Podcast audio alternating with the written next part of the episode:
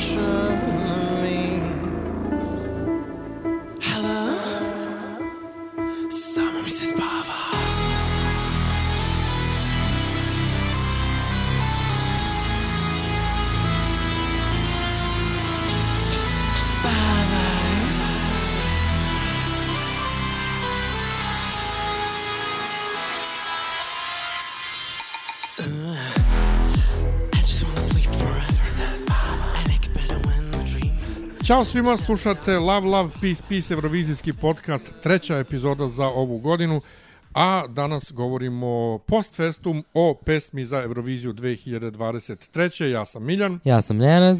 i fu, pa da počnemo sa nekim opštim utiscima. Naravno, na početku ste čuli delić naše pobjedničke pesme, odnosno našeg predstavnika eh, na Euroviziji ove godine eh, u Liverpoolu. Luke Black i pesma Samo mi se spava. Pa, Nenade, ovaj, šta veliš? Šta velim? Uf, Onako op, opšti utisci. o, odokativno. O, odokativno, da. pa ovako, pravo da vam kažem, ove godine je bilo vrlo uzbudljivo. I ovaj i puno, puno mislim, i dalje je to previše pesama, ako mene pitaš. Znači 32 pesme stvarno nema smisla. Ovaj um, nema smisla, nema potrebe. Pa to, pa to, u tom, kao besmisleno je. Ovaj, uopšte imati toliko, toliko veliko finale i to tako nagurano u, u četiri dana. Kao prvo polufinale je jedan dan, drugo polufinale je sutradan i onda dva dana kasnije ovaj, finale. Tako da to, to je to kao taj jedini, mislim, jedini minus što se mene tiče. Je mnogo pesama i mnogo to traje, dugo. Znači, cel, cela večer traje četiri sata, mislim, stvarno nema smisla.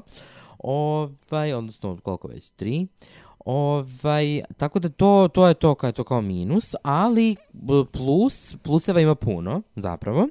Ovaj, s jedne strane imamo, imamo zaista neverovatnu produkciju za RTS i za Beoviziju, dakle, odnosno pesmu za Euroviziju, kako god, mislim, mi volimo da zovemo Beovizije, jer to je, eto, je, nije od milošte, što se kaže. E, ali vidiš, ali, ja sve ovaj, više, izviš što prekidam, ja sve više i više prestajem da koristim čak i mahinalno Beovizija, nego PZE kažem, zato što je ovo stvorilo samo sebi produkcijom dobrom i prošle godine, ove godine, takav, e, takav u odmaku, da kažem tako, od Beovizije, da kao Beovizija je nekad mogla da sanja da bude ovakva. Pa jeste, pre Beovizija Iako- uvijek bila užas. Iako Beovizija Ovaj. 2020. je već bila na ovom putu. 2020. se još zvalo Beovizija. Jeste što zvala Beovizija. Ali od Pa prošle godine ovo je, ovo je nešto da. skroz drugo, ovo je drugi Pa univerzum. jeste, jeste, jeste. Tako da, što se tiče produkcije, stvarno svaka čast.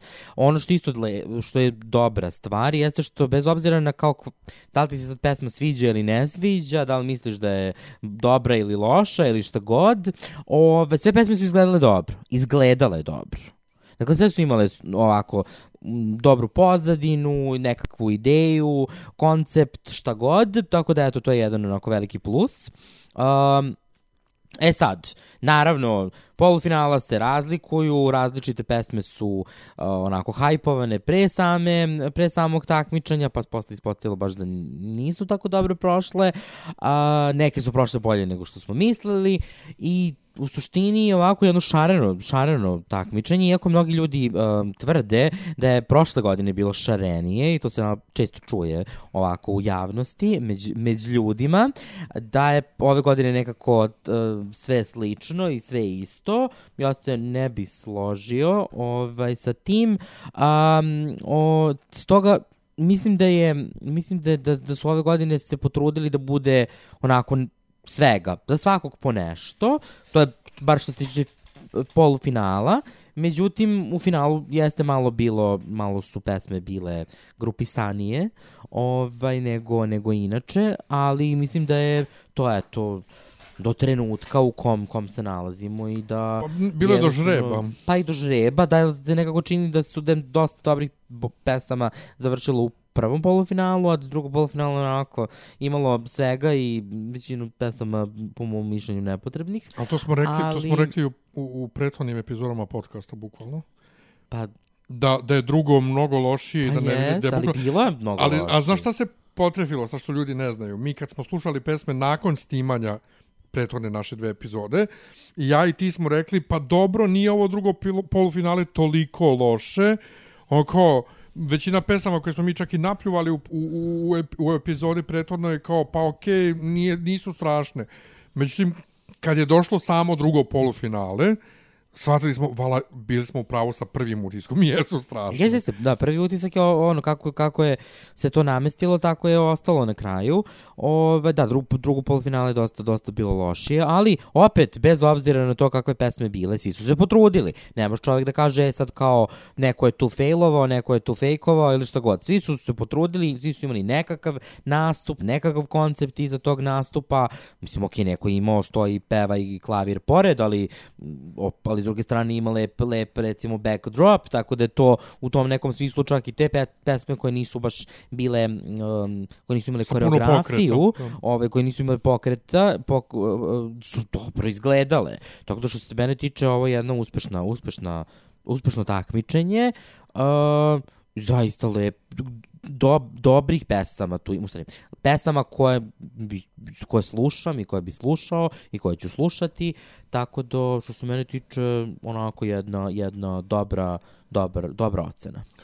E, ja mogu samo da se pridružim što se tiče produkcije i e, baš sam se danas dopisivao sa Jasmin nešto, on je televizijsko-pozorišni režiser ne, nešto, koji je prošle godine radio sa Konstraktom, ove godine radio i sa Filipom Balošem i sa Lukom Blekom, mislim. Zato je on to nećelavi što sam ti u, u prenosu pokazivao, kad je pokazivao iz Green Rooma 10 i 11 da se glasa u finalu. Mi smo njega, pod navodnicima, upoznali prošle godine u holu u RTS-u, odnosno on je razgovarao sa drugarima iz OGE, I e, ovi ga pitali s kim si, tu on kaže sa konstraktom sam tu, ja sam bio oduševljen u fazonu ja ono kao super konstrakt, ali nije, nije mi baš za Evro... Ne verujem da može nešto da uradi na Euroviziji, to sam ja rekao, ali navijam za nju. I on je rekao, ma da li nema Srbija, da li rekao nema Srbija mude, nema Srbija ne znam ja šta, hrabrosti da izabere tako nešto. Ja sam mu rekao, pa ne, ne bi se baš složio. I danas sam mu napisao poruku Ovaj, danas sam mu napisao poruku, jes, jesam ti rekao prošle godine, pošto sam napokon video ko je on na Instagramu, sam ti rekao prošle godine da, da, da, da, da Srbija može da izabere konstraktu. Ja kažem, u ostalom, ja sam recimo 2008. 9. bukvalno mrzeo zemlju gruva na Beoviziji, a sad ljudi iz zemlje gruva, dakle, e, Constructing Team praktično, je pomogao i Balošu i Luku Bleku oko nastupa. I on kaže, da, ja sam i, i tad zemlji gruva pomagao nešto minimalno, međutim, tadašnji režiser na RTS-u nije htio da čuje. Ova, to jest, bio vrlo indiferentan. Ja kažem, a baš sam i o tome danas razmišljao, o tome kako je Darko Kamarit, tadašnji režiser, ovaj glavni na Beoviziji tih 5. 6. 7. 8. bio uvek u fazonu šta mi iz ovoga, ej, mi fanovi, šta mi znamo, mi nemamo pojma ovo ono oko nastupa, oko snimanja, ovaj, i kako je to tad delovalo beznadežno, a danas eto imaju te neke mlade nade. Moram samo da nađem, nisam stigao do snimanja, Dobro, da nađem je imena Eurovizija- producenata i režisera, hoću RTS-u da napiše mail Ali da u ih, tom, da ih, u da ih tom pohvalim. kontekstu Eurovizija 2005. 6. je bila potpuno drugačija od ove danas. E, jeste, pa, pa, ali, ali to je ono što je još zapravo još više za pohvalu za RTS, zato što, ovaj, e, samo da završim misao prethodno ovim režiserima, znači Darko Kamarit više ne režira Beoviziju, odnosno, odnosno izbor za, za, za, Euroviziju, e, nema ni, ni mog profesora Crnobrnje, nema nikog od tih ljudi, znači došli neki mladi ljudi, a mi fanovi smo i dalje tu. U prevodu jebi ga, nekad moramo da se strpimo da bi dočekali ono što zapravo treba. Ali ono što je pohvala za RTS, znači RTS sad nije došao na nivo Eurovizije iz 2005. RTS je sa produkcijom sad na nivo Eurovizije 2023. I to ono što stvarno danima već ponavljam, a i stranci razni youtuberi koji prate Euroviziju isto su rekli da je ovo jedan od najboljih izbora ove godine uopšte. Ako ne možda vizuelno i najbolji. Jer ja ne znam nijedno drugo takmičenje gde ni jedna pesma nije, ovako, nije loše izgledala, kao što je bilo kod nas, a i količina pesama koje e, želiš da slušaš s jedne strane, mada nijedan nije ni blizu, recimo, Sarajevo od prošle godine, ali imaš gomilu pesama, znači bar 10 pesama koje želiš da čuješ ponovo, in, ili ti ne smetaju, i isto bar toliko koje i da, da, da su pobedile ne bi, ne, bi, ne bi bio u fazonu jao fuj. A meni je bar posljednjih godina na nacionalnim takmičenjima, posebno tako tim hajpovanim, tipa Švedska i to, ako se potrefe dve pesme od 30-ak, dve pesme da, da sam u fazonu super, hoću da slušam, to je premija. Tako da RTS je napravio neki ogroman korak i svaka im čast na tome. Jedino što ne valja i dalje je scenario, to, to jest voditelji, ono što voditelji treba da pričaju, posebno voditelji u Green Roomu, e, koliko su bili odvratni Bane i Kristina 2008. na Euroviziji. Kristina u tom stilu nastavlja. Jednostavno ne znam. To ne, nikako. E, izvođači su bili, bar u prvom polufinalu, ovaj, u, bilo, bilo je nekako manji cringe uh, Green Room u prvom polufinalu nego u drugom. U drugom se baš otelo kontroli. E, Kosjerina i Marić su bili ok, ali to je i dalje ono kao scenario, scenario glup i to je jedino što ne mislim da će se uskoro promijeniti, a to je jednostavno naš manir vođenja pod navodnicima ozbiljnijih emisija. To, se, to, to će trebati još mnogo vremena da se promeni i šta još treba da se promeni? Treba da se promeni mm, način glasanja ili brojanja glasova, jer mislim da to pretvaranje glasova uh, u, znači kad žiri da poene, pa ima neko 58 poena, i onda pretvaranje tih poena od 1 do 12, pa da se sabere sa publikom. Eh, na kraju taj rezultat bude bez veze, razumeš? Neko pobedi sa 20 poena ukupno. Nije, nije to poenta. Bilo bi bolje da je ono procentualno kao na Euroviziji, ako je bilo pet članova žirija, koji svako imaju 58 poena na raspolaganju, da onda i publika ima 58 puta broj žirija poena, kao što se radi na Euroviziji ili na Melodiji festivalenu i drugde, i to bi bilo onda malo realističnije. Međutim, mi znamo kakva smo mi zemlja, kod nas bi to otvorilo ogroman prostor za malverzacije, jer i ovako se priča o malverzacijama, mada iskreno mislim da sa glasovima publike na ovako malom broju glasova nema vajde da se nešto manipuliše. Pa ne znam, ja mislim da, ne, da mislim da treba da ostane ovako kako je, o- kako je, jer to kao da li imaš 100 poena ili imaš 12 poena, nije baš neka, nije baš neka razlika u smislu pobedio si pa si pobedio. E, pa Broj nije, ali, vidi, nije nikako ali, nije se ne može, ali se ovdje ne može desiti da e, je neko peto mesto kod žirija, ko što je bila Italija 21. i onda glasovima publike da pobediš. To je ovdje nemoguće. Pa dobro, ali ti uh, imaš mnogo više zemalja i mnogo više poena koje deliš na Euroviziji nego što imaš na, na nacionalnom takmičenju u, u E, Srbiji. Slažem se. Također, e, voleo kao, bih... ko, kao ka, kakav ukupan kor, takav i, jel te, Da. Takav bih možda da se doda još jedan žiri, dakle da, da, ili da se ukine skroz ovaj žiri kakav jeste i da se uh, Pa ubaci, znaš, za da se ubaci međunarodni žiri. Za razliku od većine, za razliku od većine zemalja ovaj uh, gde se dosta uh, pa da, velika većina zemalja ima eksperimentisala sa, sa načinom glasanja, pa su se uvodili regionalni žiri, pa su se uvodili internacionalni, pa su se uvodili razne vrste žirija, u Švedskoj imaš trenutno osam e, starostnih grupa koje glasaju kao televote, pa se onda ti poeni z- Jel uzimaju... televot, jel televot ili... ili... Televote, televote. Ali kako oni znaju koliko godina imaju ovi koji glasaju? To, to, to nisam Ni- razumeo do ja, sad nikad. Nisam ni ja, ali možda... Možda, Ili je to neka demoskopika? ili je to neka ono? demosko... Pa ne znam, da. Ne, Ali šta je sa televotom? Televot odlučuje samo pobednika. Pošto mm. Melodi Festivalen sad, on- onaj prvi koji je proglašen da ide u finale, on je pobjednik e, tog polufinala, što ranije nisu saopštavali ko je stvarno pobjednik, nego ono to tek posle. A ovo ide Pa po tim nije, grupama. nije, nije, uvek se znalo na Melodi festivalu ko je, ko je pobedio i ko je prvo, drugo mesto, a ko je treći i ko je četvrto. Samo se nije znalo sa kojom, koja, koliko glasova je ko dobio. A. Uvek se znalo ko je, ko je pobednik večeri. I to je obično onaj drugi, drugi koji... Kojeg saopšte. Da, koji, koji ostane između njega i recimo petog Da. mesta. A sad saopštavaju prvo Da, pobjednika i to ali to. dobro, u Melody festivalu drugi put. Nego, ovaj, da, različite zemlje su imali različite, mi se nekako dalje držimo tih istih propozicija, već od, od početka vremena, što se kaže. Mhm. Ovaj, tako da, ne znam, možda bi stvarno trebalo b, dati možda i šansu a, internacionalnom žiriju, jer ipak a, takmičenje, um, pobednik tog jel te takmičenje ide na Euroviziju. Na Euroviziji Srbija ne glasa, niti može da glasa za sebe. I to je ono što je poenta. Dakle, nije poenta izabrati nekoga koga će se svi- svidjeti ono, ne znam, babi u, Vla- u Vlasotincu, nego treba izabrati nekoga ko će se dopasti babi u Estoniji.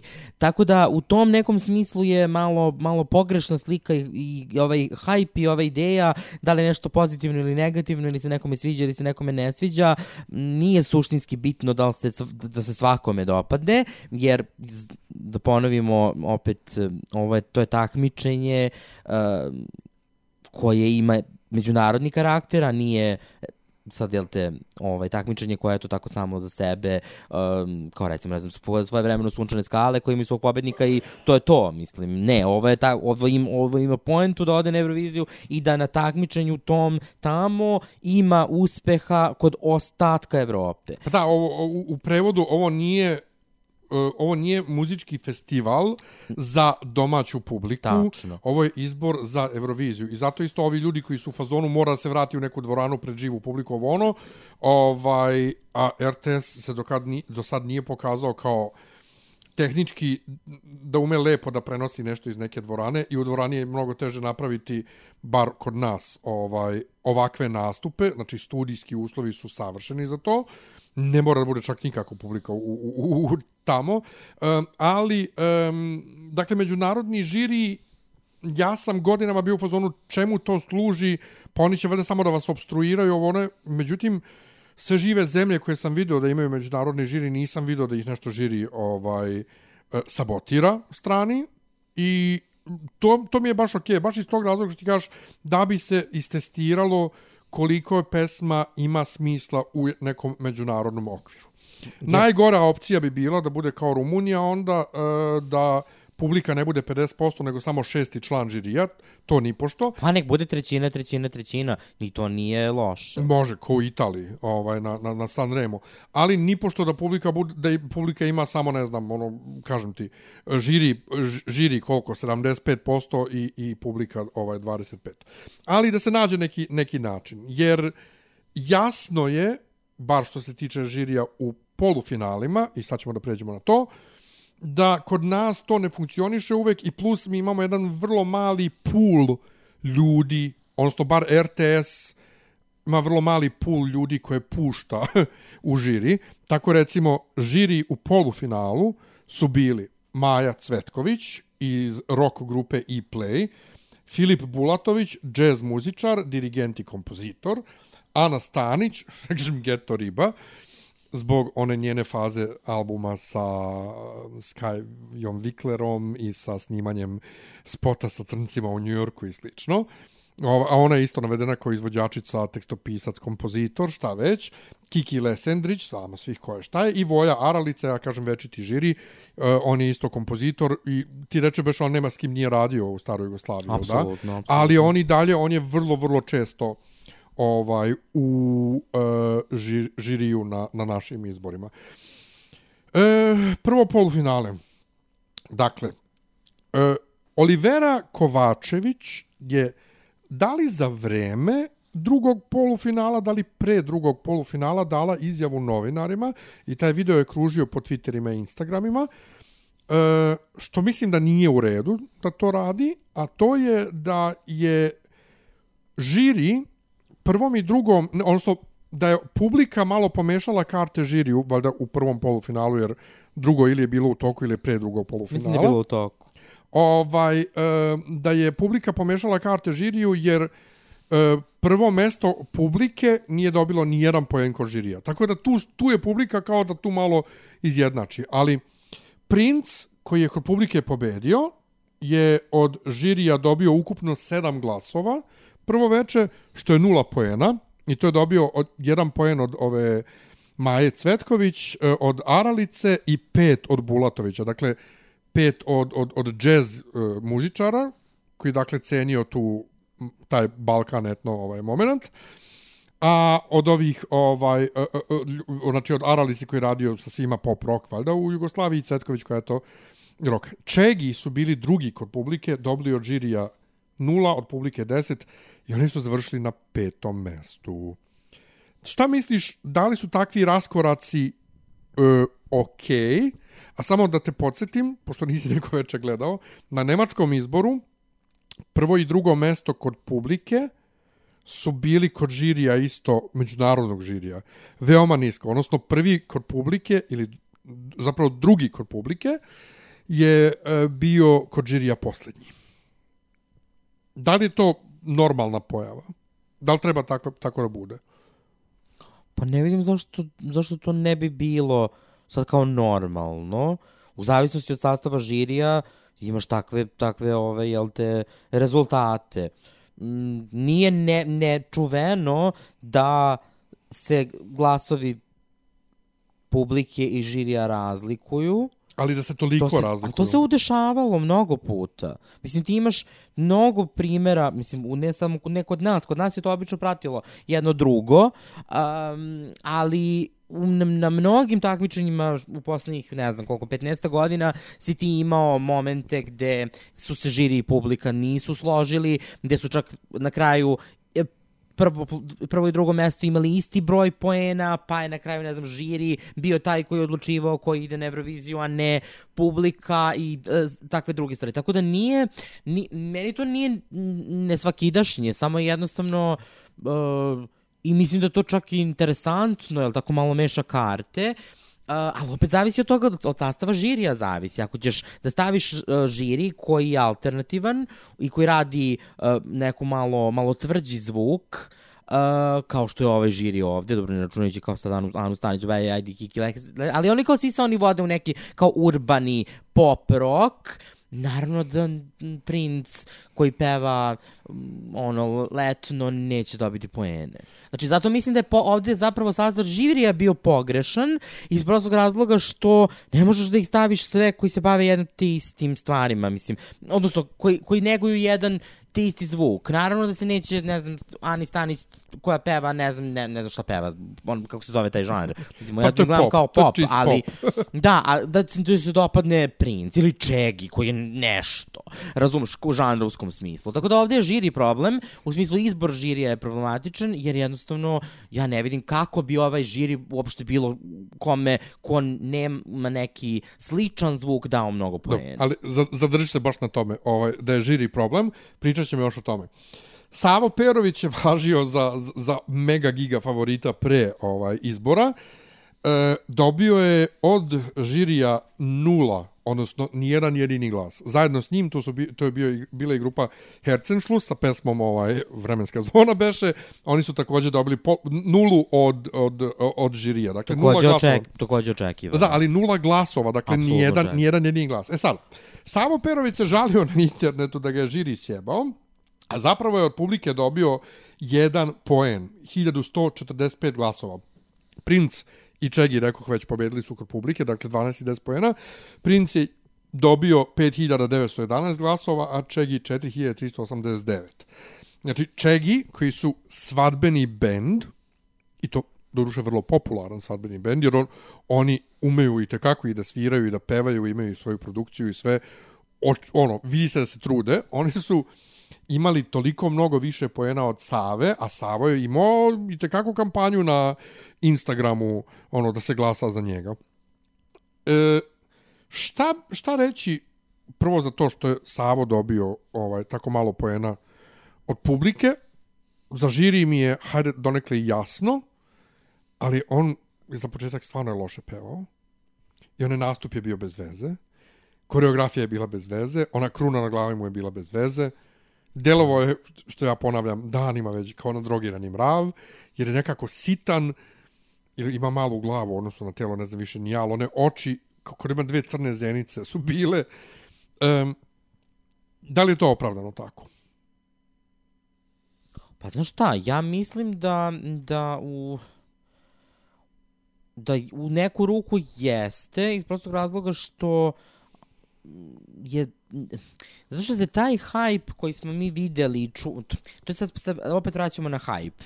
Um, hype na internetu uh, se često ne prenese u to se dešava na samu Euroviziji, a kamoli na lokalnim takmičenjima. Znači, hype na internetu i hype na Twitteru i hype gde god se često ne prenese u glasove. Drugo, polufinala, vidjet ćemo kasnije, polufinala uh, su, oba polufinala su generisala manje ukupno glasova nego što je generisalo samo finale, što je često dešava, što je uvek normalno. Pa i na velikoj Euroviziji. I na velikoj Euroviziji takođe. Tako da u tom nekom, uh, u tom neku ruku mislim da je to bilo bilo, bilo očekivano. Drugo, mislim da, ok, ajde za Herzenschluss, oni su isto neki polu nepoznati bend, mislim, ja nisam čuo nikad za njih su. nepoznati. Savo je takođe po, polupoznato lice.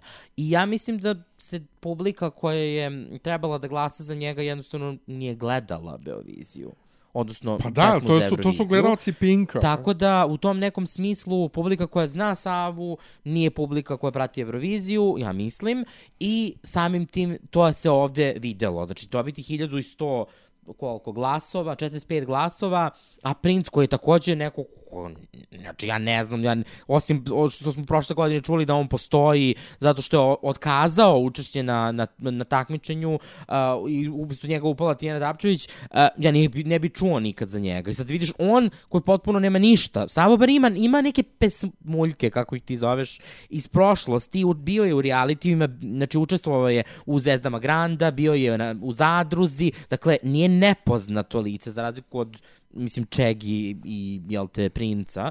Ovaj pa je opet opet prošlo tako loše. Tako da mislim da tu postoji neki da neki disbalans je nastao između očekivanja, hajpa i toga šta će se zapravo zaista desiti i na kraju je eto mislim ali, ali Savo Perović nije jedina žrtva tog hype, odnosno negativnog hajpa koji, to je hajpa koji se nije pretvorio u, u, u prave glasove u, da, ali vidiš, u tom polufinalu. Ali, ali, vidiš, da... ne samo to, e, gledam, e, gledam evo prošlu godinu, ovaj, pošto svi ti ljudi koji dođu iz tih nekih takmičenja, koji imaju ogromnu bazu ovaj fanova po internetu i u tom takmičenju su imali, on Zvezde Granda Plus, on je, šta on beše, on je bio 19. u zadruzi, ali izdržao do, do dva dana pred, pred kraj. Yes. Ove, Zorja je prošle godine dobila u polufinalu 5518 glasova, ovaj, a u finalu je imala 16.875. Pa vidiš. E, prošla godina inače generisala mnogo više glasova nego ovaj, mislim Konstrakta je pobedila sa 44.000 glasova, a Sara je imala 21.000 glasova, Peto Zorja je imala 16.875. Ove godine je malo drugačija slika, ali ovaj to se jednostavno vrlo često e, ponovo e, ovih 5000 i nešto su proporcionalni broju fanova koje Zorja ima više nego Savo Perović. Ali ono što je glupo i što mislim da izvođači ne bi trebalo da rade je posle polufinala, pre nego što se saopšte glasovi komplet iz polufinala, dakle nakon finala, da pre finala idu okolo i kukaju kako ih je sebao žiri, kako ovo, kako ono, onda se ispostavi ti si dobio dušu igr publike jedan poen. Dakle, nemaš da se, našta da se žališ pa da, tu, na žiri. Tu, da, to je bio i Savo Perović i Angelina koji su se žalili na, na svoje rezultate, pa se na kraju ispostavilo da ni jedno ni drugo nisu uspeli da, da imaju, zapravo nisu imali toliko glasova koliko su možda mislili da, da su imali. Tako je. E, sad, re, rekao smo šta smo rekli, e, žiri je ovaj, urban rock, ovo ono, tamo, vamo, a onda pobednik žirija, koji su svi ono totalno van IDJ matrice, bio Stefan Šaj, koji je bio treće mesto na onom IDJ takmičenju, koje ja sam kao znao preko Billboarda da postoji, hteo da gledam, ali nisam gledao. Znači, on je dobio četiri dvanestice i jednu desetku. Desetku je dobio od Maje Cvetković. Od svih ostalih, dakle, od e, e, od, od, od Ane Stanić, od Lesendrića, od Bulatovića, dobio je de, o, 12 Od publike je dobio 4 poena, znači od njih je dobio 12, od publike 4 i završio na drugom mestu.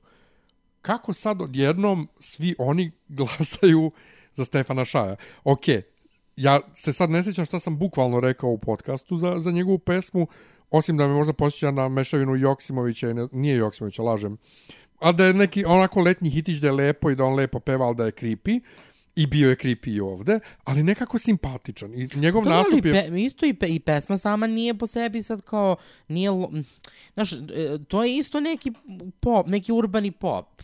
Razumeš? Ne, Pa ne, to ono mogu- za kafić nari ciganli na leto. Pa dobro, bože moje. Ali s druge ne- strane, ali to je, mislim, kompozicijono gledano pesma nije loša. Da, ne. Razumeš, tako da nije, nije, znači, nije bum tras kao recimo Savina ili ne znam nija šta, razumeš? E, U smislu, drugačija je pesma bila od svega drugog. Znači, jeste bila pop, ali je drugačije. Dru, ne, ne možeš da kažeš da je sad imala ne, jedinstvena je u odnosu na sve ostale, koje su neke, ne, nema, nema puno toga zajedničkog sa drugim pesmama. Tako da u tom smislu mislim da je zato bila ona interesantna e, žiriju jer je bila ili se odvajala od svega ostalog. Tako da ali, ali, ali zvuči relativno tradicionalno srpski pop. pa dobro, a i on Da. pa Ali e, i inače njegova njegova scenografija mi je jedna od najboljih bila jer oni oni is, iskomadani iskomadani ekrani sa strane su nekako delovali, mislim prvo pozadnje delovalo kao da je prava ova zgrada, a ali ti ekrani sa strane su stvarno delovali kao kao pravi komadići zgrade.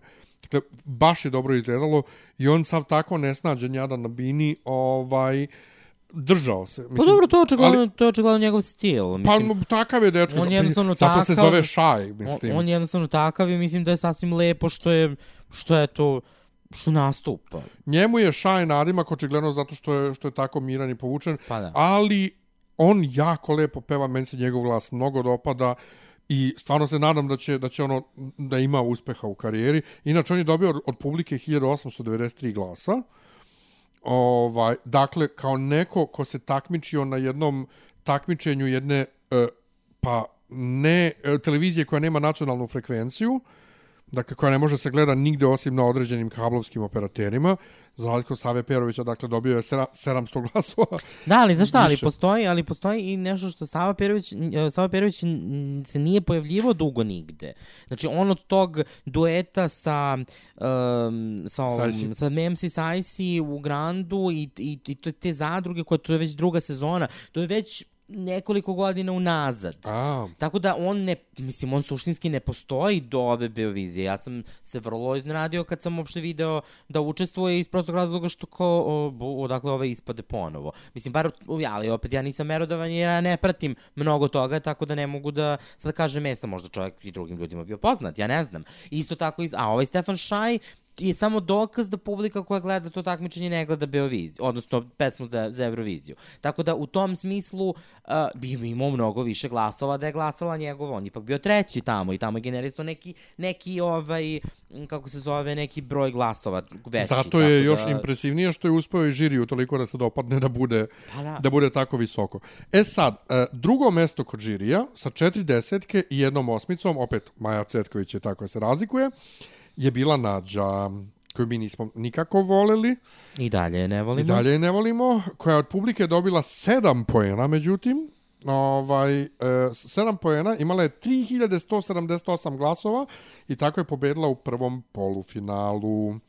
Dakle, bila je ukupno prva. Um, mm, mm, mm.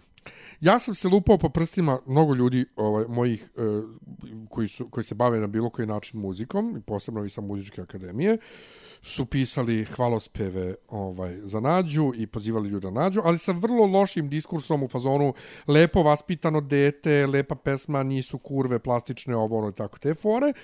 I kod jednog drugara nisam mogao da se suzdržim i planuo sam, a pri tome je to jedini od tih statusa koje sam izbegao bio na tom jedinom je bila tagovana Kristina Kovač.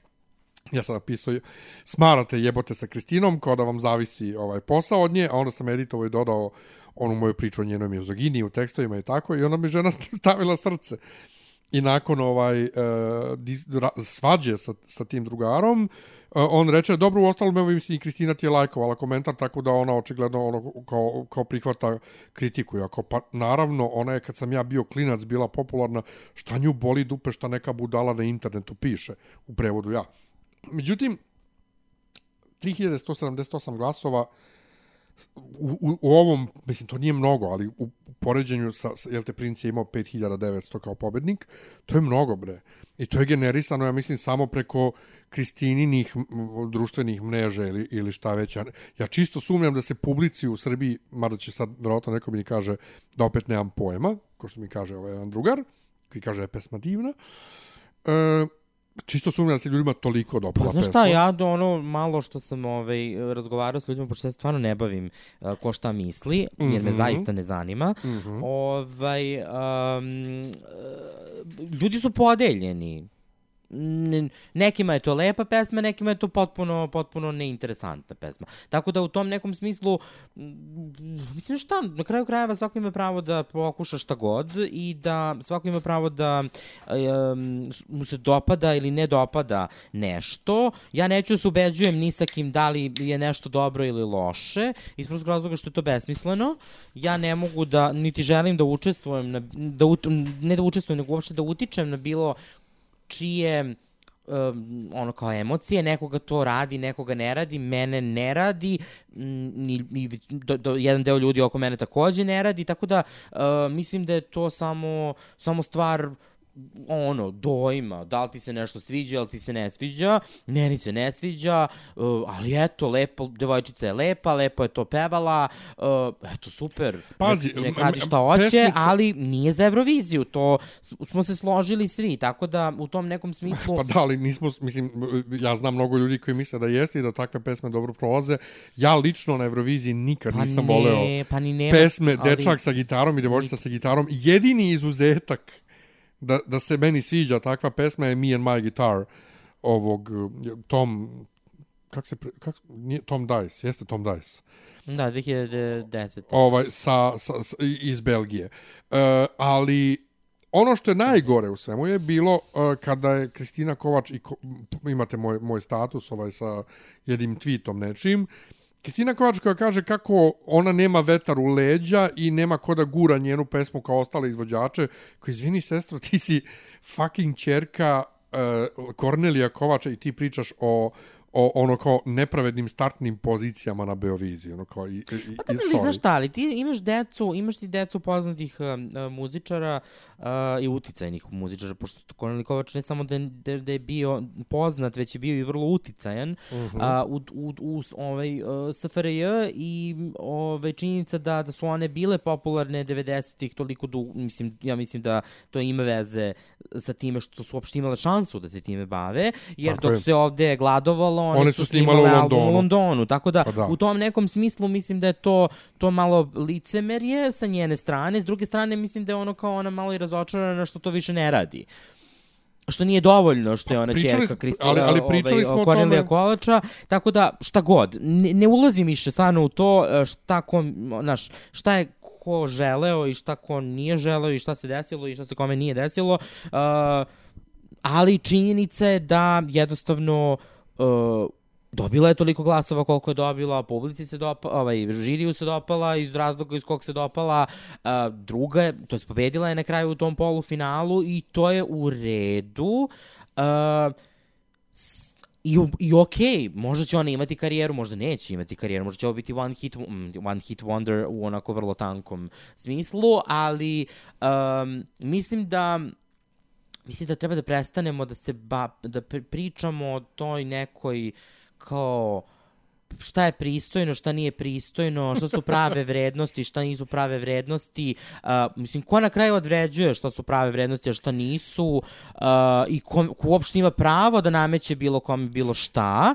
Uh, tako da mislim da su te priče uzaludne, uh, jer samo pokazuju koliko je zapravo naše društvo je malo, jedna velika malograđanština koja ne zna ono kao ono ne može da, da spoji dve stvari a kamoli da priča o nekim ono vrednostima Čekaj, molim čekaj, te, čekaj da znači, dođemo ako do- mi je nađa vrednost a ne znam ko neko nije mislim nađa ima 16 godina mi ne, koliko 17 18 ona mi ne znamo šta će biti od nje Še, 16. Nema im osam, skoro 18. Ali nije bitno, mi ne znamo šta će s njom da se desi. Da li će se išta desiti. Razumeš, tako da to da ona predstavlja pravu vrednost je ono kao malo infantilno, kao i pesma koju peva. Tako da, žao mi je, ali kao ono fazonu odrastite i ajmo malo ono kao ako već pokušavamo da se da komentarišemo stvari da malo malo kont kontekstualizujemo. Ajde, sa, Jer kao pesme- sačekaj, mm. sačekaj da dođemo do finala i Karleuše, pa ćemo onda, onda da vidimo ovaj, šta, šta je pristojno, šta nije pristojno. Luke Black, naš dragi pobednik, imao je kod žirija ukupno 11 glasova, odnosno samo dva poena u prevodu, on je bio deveto mesto, znači nije predzadnje, ali ono kao da, da je prolazi 10, da, da prolazi 10 ovaj, e, ljudi dalje, on je ono kao pretposlednje, odnosno deveto, pa da, to je pretposlednje mesto u kojem se dodeljuju poeni. Tako da, na, u tom smislu, pretposlednji od ocenjenih. Ali od publike je dobio 8 sa 4388 glasova i tako je završio na šestom mestu. Anđelina je takođe imala 11 glasova od žirija, ali imala je jednu osmicu, dok on nije imao ni jednu. Zato je e, njoj dodeljeno 3 poena od žirija, odnosno ukupno osmo mesto, a zašto je ona ukupno ovaj osma, a, da, on je bio deveto, ali ona je imala 1004 glasa i samo 3 poena od publike, pa je završila na 12. mestu. Dakle, Anđelina, sad rekao Angelina malo pre, da? Angelina nije uspela ovaj, da, da pokrene ovaj publiku za sebe, a Luka Bleka je u suštini spasila publika, Rombi, dakle, završio ispod crte za prolaz. Pa jeste, ali to je također nešto što se dešava vrlo često. Vrlo često se dešava da pesme koje su koje na kraju čak i pobede u ukupnom skoru, kao što se ovaj put desilo, a, da, na, da u jednom trenutku bivaju, bivaju gurnute od strane žirija ili publike u samo, u samo finale. Tako da, to je nešto što, što nije, što nije sad neočekivano. Uh, Eh, ali u, ovakvom, u ovakvoj podeli glasova uh, jeste u neku ruku malo i šokantno, pogotovo kad imamo neki drugi ostatak, mislim, glasova koji je podeljen na neko malo bizarniji način. A sljedeća, sljedeći primjer je upravo to. Empathy Soul Project su dobili, dakle, Luke Black, pobednik ovaj izbora za, za pesmu Eurovizije, je imao od žirija 11 glasova. To je, dakle, eh, 3 poena. Empathy Soul Project su imali 8 poena, odnosno 38 glasova od žirija, što ih stavlja, dakle, na treće mesto kod žirija. E, dobili su 12 od Maje Cvetković, logično, rokerka, 7 od Ane Stanić, po 8 od Aralice i Lesendrića i 3 od Bulatovića. Da je meni fa fantastično da čovek koji se bavi ozbiljnom muzikom, tu jedini od njih, razume šta nije zapravo za Euroviziju, ali kao ajde, oni su imali veoma dobar vizuelno, vizuelno veoma dobar nastup i korektno su pevali, znači zvučali su kao, kao ploča. E, od publike nisu dobili ništa, dobili su 794 glasa, ali to kad se pretvori u poene, to je nula. I oni su završili tako na e, na, na, na, na kom mestu ukupno, na ukupno sedmom mestu. Dakle, predposlednji za prolazak. I ti si rekao posle polufinala da je njih žiri progurao. Sećaš se? Pa da, ja nisam znao ko je žiri, ali sam nekako imao osjećaj da će oni proći u finale iz prostog razloga što se to dešavalo već, to se već tradicionalno dešava. Znaš, ne gura se nekako taj rock koji suštinski niko ne sluša ili koji ima vrlo mali broj publike uh, i koji je vrlo često od- taj, taj broj To je neki publike... garažni pa, Da, rock. to je garažni bend, ali ne, to što su sad oni garažni bend, to sad to je možda, možda drugo, ne snimaju verovatno u garaži, ali Pa ovaj... ne, to se, taj zvuk se zove ali, tako. ovaj, ali s druge strane, ovaj, verovatno nastupaju tako po tim nekim uh, kafićima negde i eto, mislim, ali meni se čini, nekako mi, osjećaj me nije, nije me prevario da će proći dalje iz prostog razloga što nekako se to očekivalo. Pa pazi, da su oni bili u drugom polufinalu, ja bih rekao, okej, okay, mogu oni da prođu. Ovde stvarno u snu nisam očekivao da će proći. Takođe nisam očekivao recimo Novi svet, to su ovaj Matija Canata i Angela Kasijani, e, koju inače Dakle, do samog prenosa nisam imao pojma da, da je znamo. Ona u pozorištu na terazijama glumi ovu, u, u Fantomu iz opere ovu ulogu Karlote. I ovdje imala užasnu tremu. Dakle, pevala je ona korektno, ali tresla se. Znači, vidljivo se tresla. Oni su bili četvrti kod žirija, od publike isto nula poena, 742 glasa. Pa onda Tijana Dapčević, jadna, koja mislim da se posle ovog neće više pojavljivati, e, bila je peta kod žirija i kod publike 471 glas. Znači, to je jedan od ono najmanjih uh, u, ovaj najmanji zbir glasova publike. Nije najmanji, ali jedan od 471 glas je dobila samo. I to, iskreno ti kažem, ne razumem skroz. Dakle, kako su...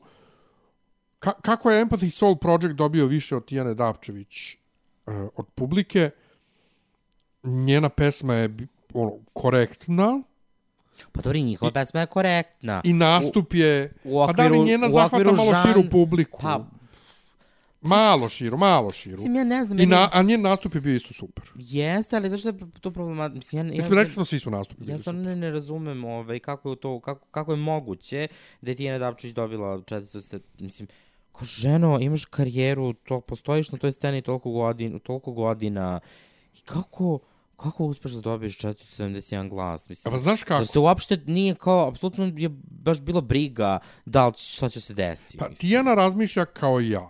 Znači, ja sam uvek bio bilo kakvo takmičenje da je u pitanju, n- ono kao fazon online takmičenje, e, najlepša fotografija, ili ovo pogotovo, da ja sad pozivam ljude da glasaju za, za, za, za mene, moje prijatelje, rodbinu, fanove na Instagramu, meni je to, bilo bi mi sramota, a zapravo to je ono što se očekuje, što organizacija sama očekuje od tebe na bilo kom takmičenju, pa čak i na ovom, jer ti tako njima prvo donosiš pare glasovima, a drugo ovaj klikove tamo gdje se online glasa i to.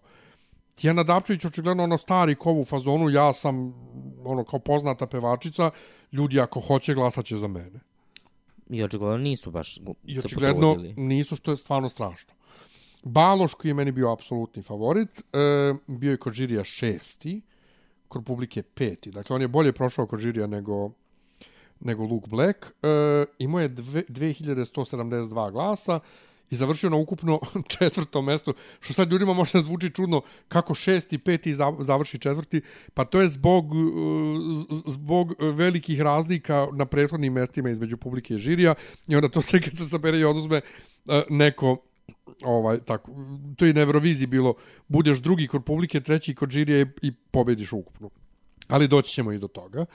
E, ža, mislim žao mi je drago mi je Baloš je prošao dalje. Boris Subotić za kojeg je Maja Nikolić digla bila celu dževu kako je za njega se namješta da pobedi on je kod žirija bio sedmi kod publike osmi i ukupno osmi posljednji koji je uspeo da prođe dalje. Mm, ćeš nešto da kažeš za njega, njegov nastup. On je, odnosno kad je princ, kad je princ nastupao, pa kad su krenule one žene da se ređaju u koso iza njega, onako da istupaju, rekli smo šta je ovo Erik Sade momenti, ovaj, pogledajte iz 2011. godine švedska Erik Sade popular nastup, ovaj pa ćete vidjeti eh, eh, šta na šta mislimo, ali on je imao ovaj imao i onu po, pola staklene kocke, pa nije baš pola, imao je Pa ima dve pola. strane. Imao je dve strane Ima kocke, dve, strane dve od kocke, šest strana, Da. O, dve šestine kocke. Ovaj i da bi zezali imao smo, i pod. zezali smo se šta je ovo ovaj eh, Erik Sade ovaj producirao Pa nastup. ne znam zašto meni se ta pesma, meni ta pesma se svidela, uh, ali opet, kao i prošle godine, to je bilo dosta onako mlako. Ali deluje kao da se previše trudi. Pa, no, mla, ali opet mlako. Deluje kao da se previše trudi, pri tome pesmu su mu radili Nemanja Antonić i ekipa. Nemanja Antonić koji očigledno postaje naš ovaj Ralf Ziegel. Nemanja Antonić je čovjek koji je u suštini radio sve pesme u uragankama ever. Ovaj, ove nove uraganke su imale par pesama od drugih autora, ali on je uglavnom i dalje njihov glavni producent. Adem Mehmedović, onaj što sam ja rekao da zvuči kao bosanac koji se trudi da peva ekavski, je bio kod žirija 10, imao jedan poen, od publike 445 glasova, nula poena, ovaj, ukupno 15. mesto od 16. Mislim da je on imao najmanje od publike. Dakle, on je Da. imao najmanje, pa onda Tijana Davčević. e, on je stravično loše pevao. Kažu ljudi da je bio bolestan. E, Ili odnosno- završi u urgentnom centru. Pa da. Tog dana mu je pozlilo zapravo, znači nije bio bolestan, pozlilo mu je, verovatno da li, mo, ne mogu da nagađam od čega, mo, možda od stresa, ko, ko će ga znati. I bilo je pitanje da li će nastupati, ali on je toliko dočko loše pevao da sam ja stvarno u fazonu, e, pogod ima onaj fals, falset moment, ono, u, gore da treba da peva. E, vraćamo se kratko na Baloša, koji e, on beša studira slikanje ili tako nešto, ništa vezano za muziku. I dečko koji peva ono 300 na sat. Da, to moram Baloša da pohvalim što nisam rekao. Ja sam rekao u onoj epizodi našoj uh, kad smo radili um, studijske verzije. Ja samo nisam siguran da ovo dete može ovo, da će da, će da se saplete od teksta, da će on tu brzinu izgovaranja teksta moći tako da izvede. On je svaku reč izneo kako treba i ima one brze momente gdje ide u falset, što je tačno otpevao, a Adem je zvučao kao Ivana Jordan uh, 2006. beše Lazarica, jel da? 2006. je bila Lazarica. Ili mm -hmm. pet. Jeste šest. Kad krenu ono, i vremena, i Pa da. vremena. Dakle, nije, nije imao ni daha, ni glasa, ni intonacije, ničega. I nisu mi jasni ponovo, ni ta Jordanka, ni gomila tih visoko, visoko muzički obrazovanih ljudi koji su završavali muzičke akademije po svetu i po, po Evropi i po Srbiji i bili, bili asistenti na fakultetu. Kako ti, ok, ti si pijanista, ali imaš sluh. Kako ne čuješ da nemaš glas za pevanje? Ništa mi nije jasno. Pa dobro, svi bi sve, pa, verovatno bi neko rekao jednom da lepo peva i eto, on odlučio da peva, tako da šta ti radim. nestani osmih. O- E, ukupno posljednji je bio Filip Žmaher. Imao je nula poena od žirija, četiri glasa samo, i od publike 830 glasova. Da ponovno stavimo u perspektivu, Filip Žmaher je imao, koji nikad nije bio neka posebno velika zvezda, Pa dobro, nije, bio je krajem 90-ih. ali nije bio, nije bio veliki ko što je bila Tijana Dapčević. Mada i Tijana Pa Dapčević... mislim, kad je Tijana Dapčić bila baš velika. Ona je imala tu neku, eto, početkom 2000-ih par, ono, hitića i posle toga više niko se ne sjeća št- šta ona ra- radi. Pa mislim da je posljednje njeno veliko bilo let iznad Kukavićeg gnezda i sve isto samo njega nema što je pobedila na Budville, da? Pa da, ali to je bilo 2005. Pet, šest, tako. E, ali on je imao 830 glasova publike. Kako? Pa dobro, rekao glasam. Pa mislim, ali gledaj, kad spustiš u, u perspektivu, znači 400 glasova, 400, mislim, tih glasova možeš, možeš da, ono, ako ti 20 ljudi glasa za tebe, mislim, po 20 puta dobiješ, dobiješ 400 glasova. Tako da suštinski nije to sad kao, mislim da bismo mi zajedno mogli da generišemo više glasova od njih, kad bismo zamolili sve ljude koje poznajemo da glasaju za nas. Pa ja kad bih zamolio sve ljude koje poznajem da glasaju za mene, ja bih Pa imao ne moraš baš ljudi koje poznaš, čak i čak uži krug ljudi koje Pa poznaš. to, ja mogu, da, pa kažem, možda dobiješ više glasova od Filipa Žmahera i Tijene Zdapević zajedno. ma ja bih mogao 20.000 glasova da skupim, bre, bez to ti problema. Dakle, je po, Tako da, e, Igor Stanojević, očigledno se nisu nešto mnogo trudili. Igor Stanojević koji je ofarbao bradu za, za, za ovu priliku ova, i stvarno nije izgledao toliko creepy kao na ovim slikama na, na Facebooku. Od dobio 8 glasova, 0 poena i od publike 2598 glasova, 5 poena i ukupno 11. mesto. Dakle, To on je sto- imao pa to je čovek stotinak ljudi. On je imao pet puta više glasova od Tijana. Što stotinjak? Možda je, možda je to ukupno 20 ljudi. Pa ne može 20 ljudi. da- 25 ljudi puta 20. Ne, to je 5000 onda glasova. Koliko je 20 20 2500 podijeljeno sa 20? Sad ćemo imati tan, tan, tan. 2598 podijeljeno sa 20. Tum, tum, tum, tum. To je dakle koliko ljudi? Stotinak. Ja sam lud, ja ne znam da računam stvarno. A 20 puta 20 je 400, da, bravo Miljane. O, matematika. Pa zato sam je rekao Tijana Dapčević da, da je htjela da organizuje više od 20 ljudi, možda bi dobila više od 400 glasova. Da. Ali definitivno dokaz da se graji uh, molitva o, o, o, omakla. Ja sam napisao o, o, nama ovdje u scenariju kako meni, dakle, pomalo čudno ili ne toliko čudno glasanje. Znači, na kraju, pa i nije toliko čudno. Pa nije toliko Ima čudno. smisla. Ima smisla, apsolutno. Nije mi jasno baš što je Luke Black završio deveti kod žirija, ali bože moj, mislim, ono kao... Srećom, sve se ovaj, srećom završilo. Prelazimo na drugo polufinale. Dakle, kao što sam rekao, mi smo urnisali u komentarima ove drugo polufinale u, u, u podcastu, ali smo posle bili u fazonu, ja, pa nije, pa, tak, pa nije tako strašno, pa ja, pa možda se sluša, uh, jedno smo izdržali. Inače, samo da se vratim na početak, priča što se rekao ima previše pesama. Jeste, ima previše pesama. I ovo traje previše dugo. Koje? Naše e, izlaganje. Ja, mis, mis, meni, je, meni je ovo vrlo zabavno i zabavnije nego, svakako zabavnije nego, nego, nego o, neke Beovizije. Ali, hoću samo da ti kažem, da i sa 32 pesme meni su sve tri večeri u suštini proletele. Iako su dugo trajale. Za razliku od prošle godine gde polufinala su bila beskonačna. Pa dobro, zašto smo sedeli tamo u neudobnim uslovima. Pogotovo to. I onda je bilo drugačije. Kod kuće si Ali možda finale je bilo se super. šetaš, možda odeš u toalet. Ali nismo išli.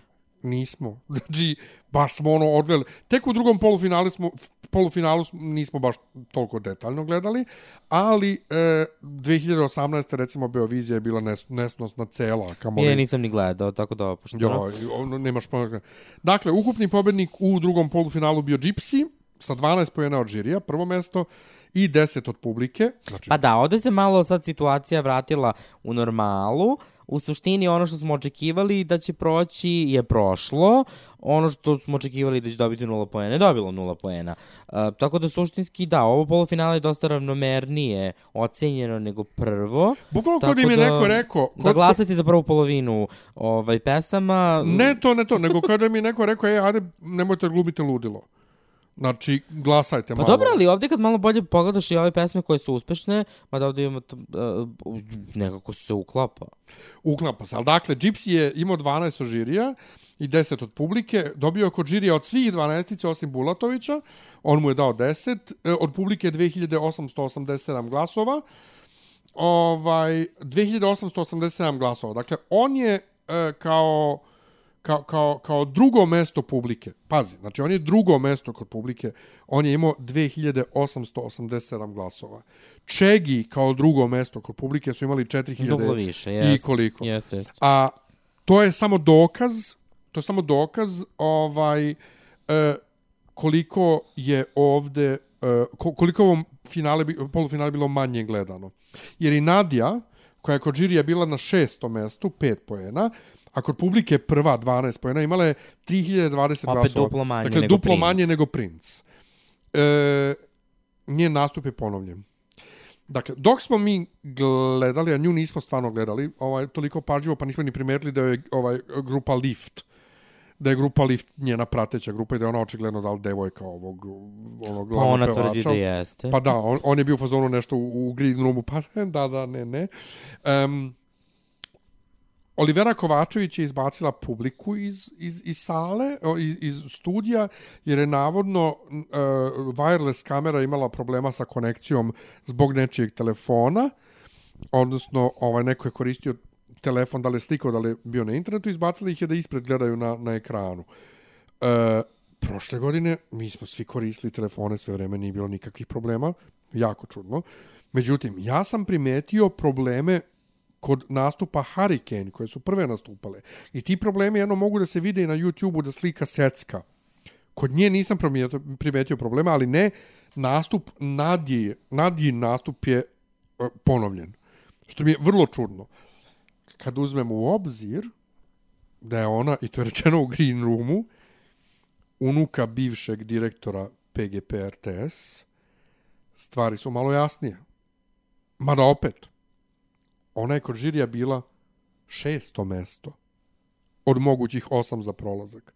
Pa dobro, ali znaš što je fore? Kako je nju Ok, publika, kako, kako ona dobila 12? Pa dobro, ali seti se samo svih tih uh, teenage uh, pokušaja na prethodnim uh, takmičenjima. Seti se samo ono Skajeve, one grupice sa Angelinom i Angelinom i Ksenijom Knežević i onom nekom trećom. Znao sam da ćeš ti da koje su izvučeš. takođe bile popularne, pa onda pred, onda Beovizija tamo 2007. 2006. gde su bile one Betty Boop.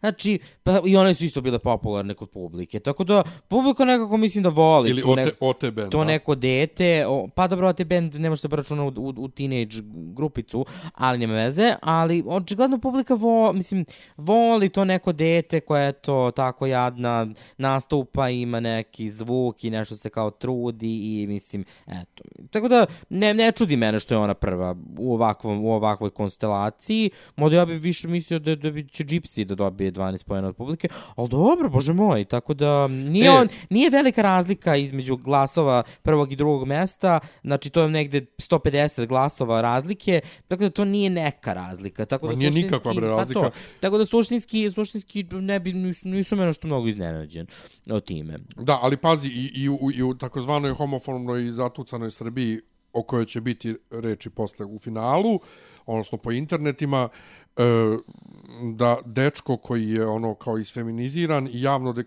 ono, javno deklarisan.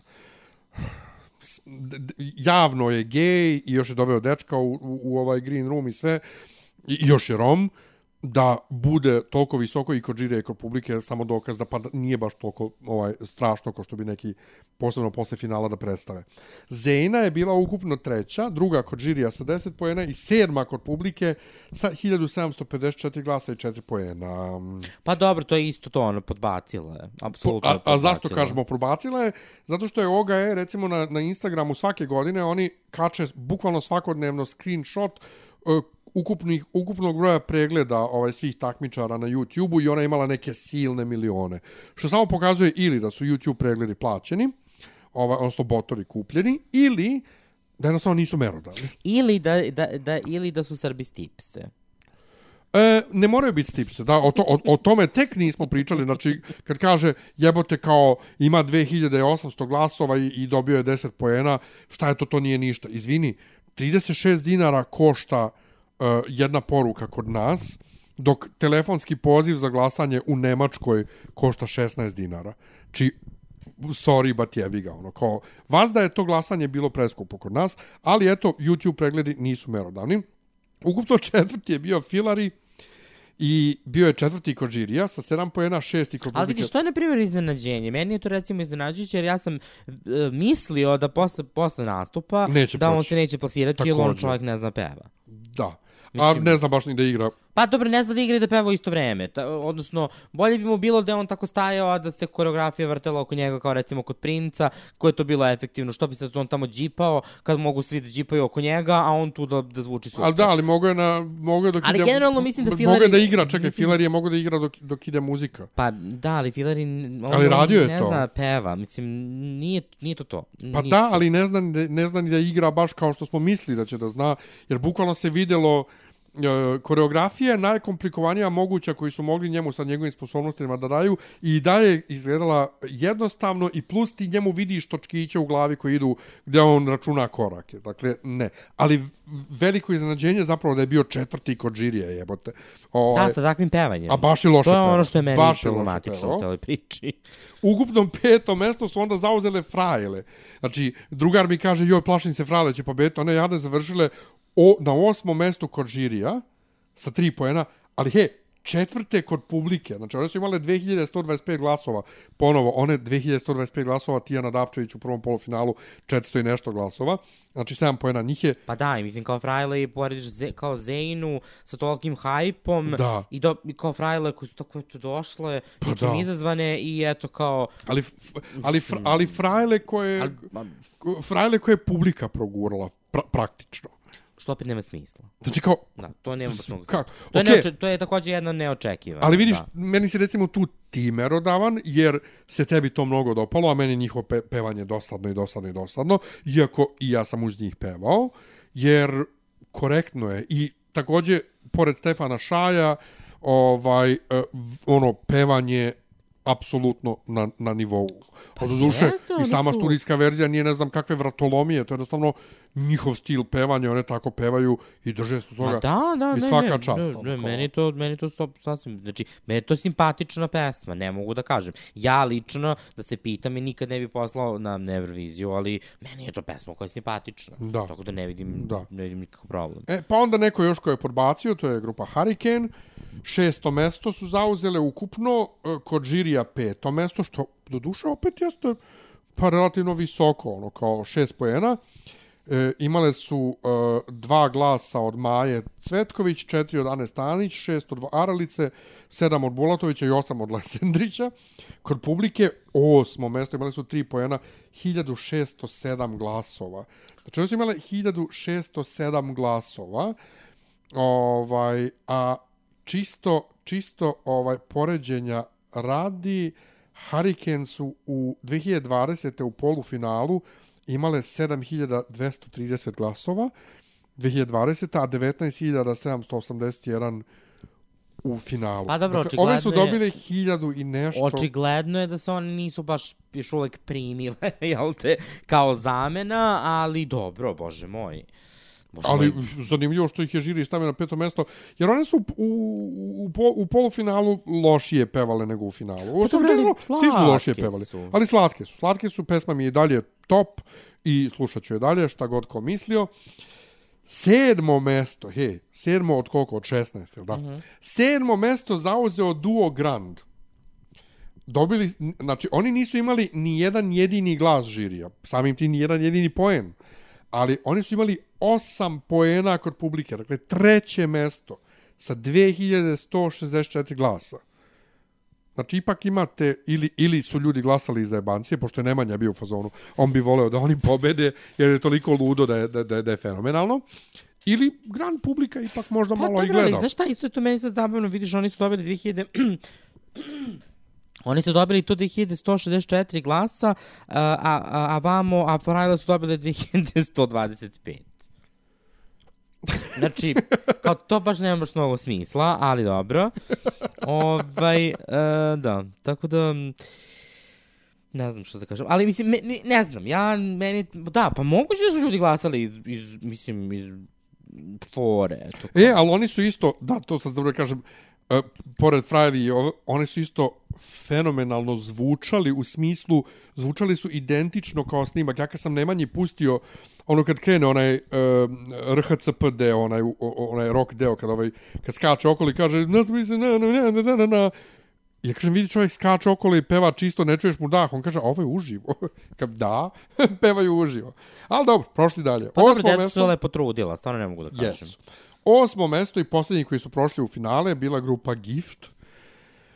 Mi smo, kad smo gledali snimke, e, one sa probe 30 sekundi, rekli, ok, u ovoj konstelaciji ovo stvarno zaslužuje da prođe. Pa ja se zaslužažem. Iako su bili ono kao ne, gomila negativnih komentara na internetu, ali s druge strane, mislim da su zaslužili da prođu. Mislim, I meni je sad to ova je izgledalo pesma, pristojno i da ova pesma je bolja nego prošle to godine. hoću da kažem, ja se prošle godine ne sjećam, ovo mi je ostalo u Neću je ni glavi. slušati, ali, bože moj. Ne, ali neću, neću da povratim ako je čujem na radiju, ono kao. Imali su dva poena od žirija, znači deveti su bili, ali šest od publike, peto mesto, 1847 glasova. Pa da, razlika 49. između glasova je bilo, e, u glasovima između prvog, drugog, trećeg i ostalih mesta je bila zanemarljivo mala. Tako Da, da, u, u, da. Deveto mesto, prvi ispod crte je Egret, koji je bio treći kod, pub, kod, kod žirija sa osam poena. Maja mu dala sedam, Ana Stanić osam, Aralica čak deset. Znači, pazi, Aralica mu dao deset, a Bulatović, čovek koji se bavi, jel te tako, džez muzikom, mu je dao šest poena. Pa dobro, ali ajde se ne lažemo, on nije bio džez. Pa da, mislim. ali, ali, ali bio, išlo je u tom stilu, razumeš, u tom, tom, tom uh, m, pesma bez forme, što bi ja rekao, i Lesendić mu dao ovaj šest, imao je 1011 glasova od publike, što se prevelo u nula glasova, uh, i, e, u, u nula poena. Inače, uh, ovi u prvom polufinalu su već sa manje od 1000 dobili poene od publike, tipa e, ovi, uh, jesu Empathy Soul Project na kraju imali nešto od publike glasova, samo da se vratim nazad da vidim. Da, od publike ništa, ne. E, ali on je imao 1011 glasova od publike, nula poena i samim tim je izvisio. E, da. pesma je bila onakva kako smo i očekivali, on nije otvarao usta, sedeo na onom svom, za svojim klavirom. Jesi tu?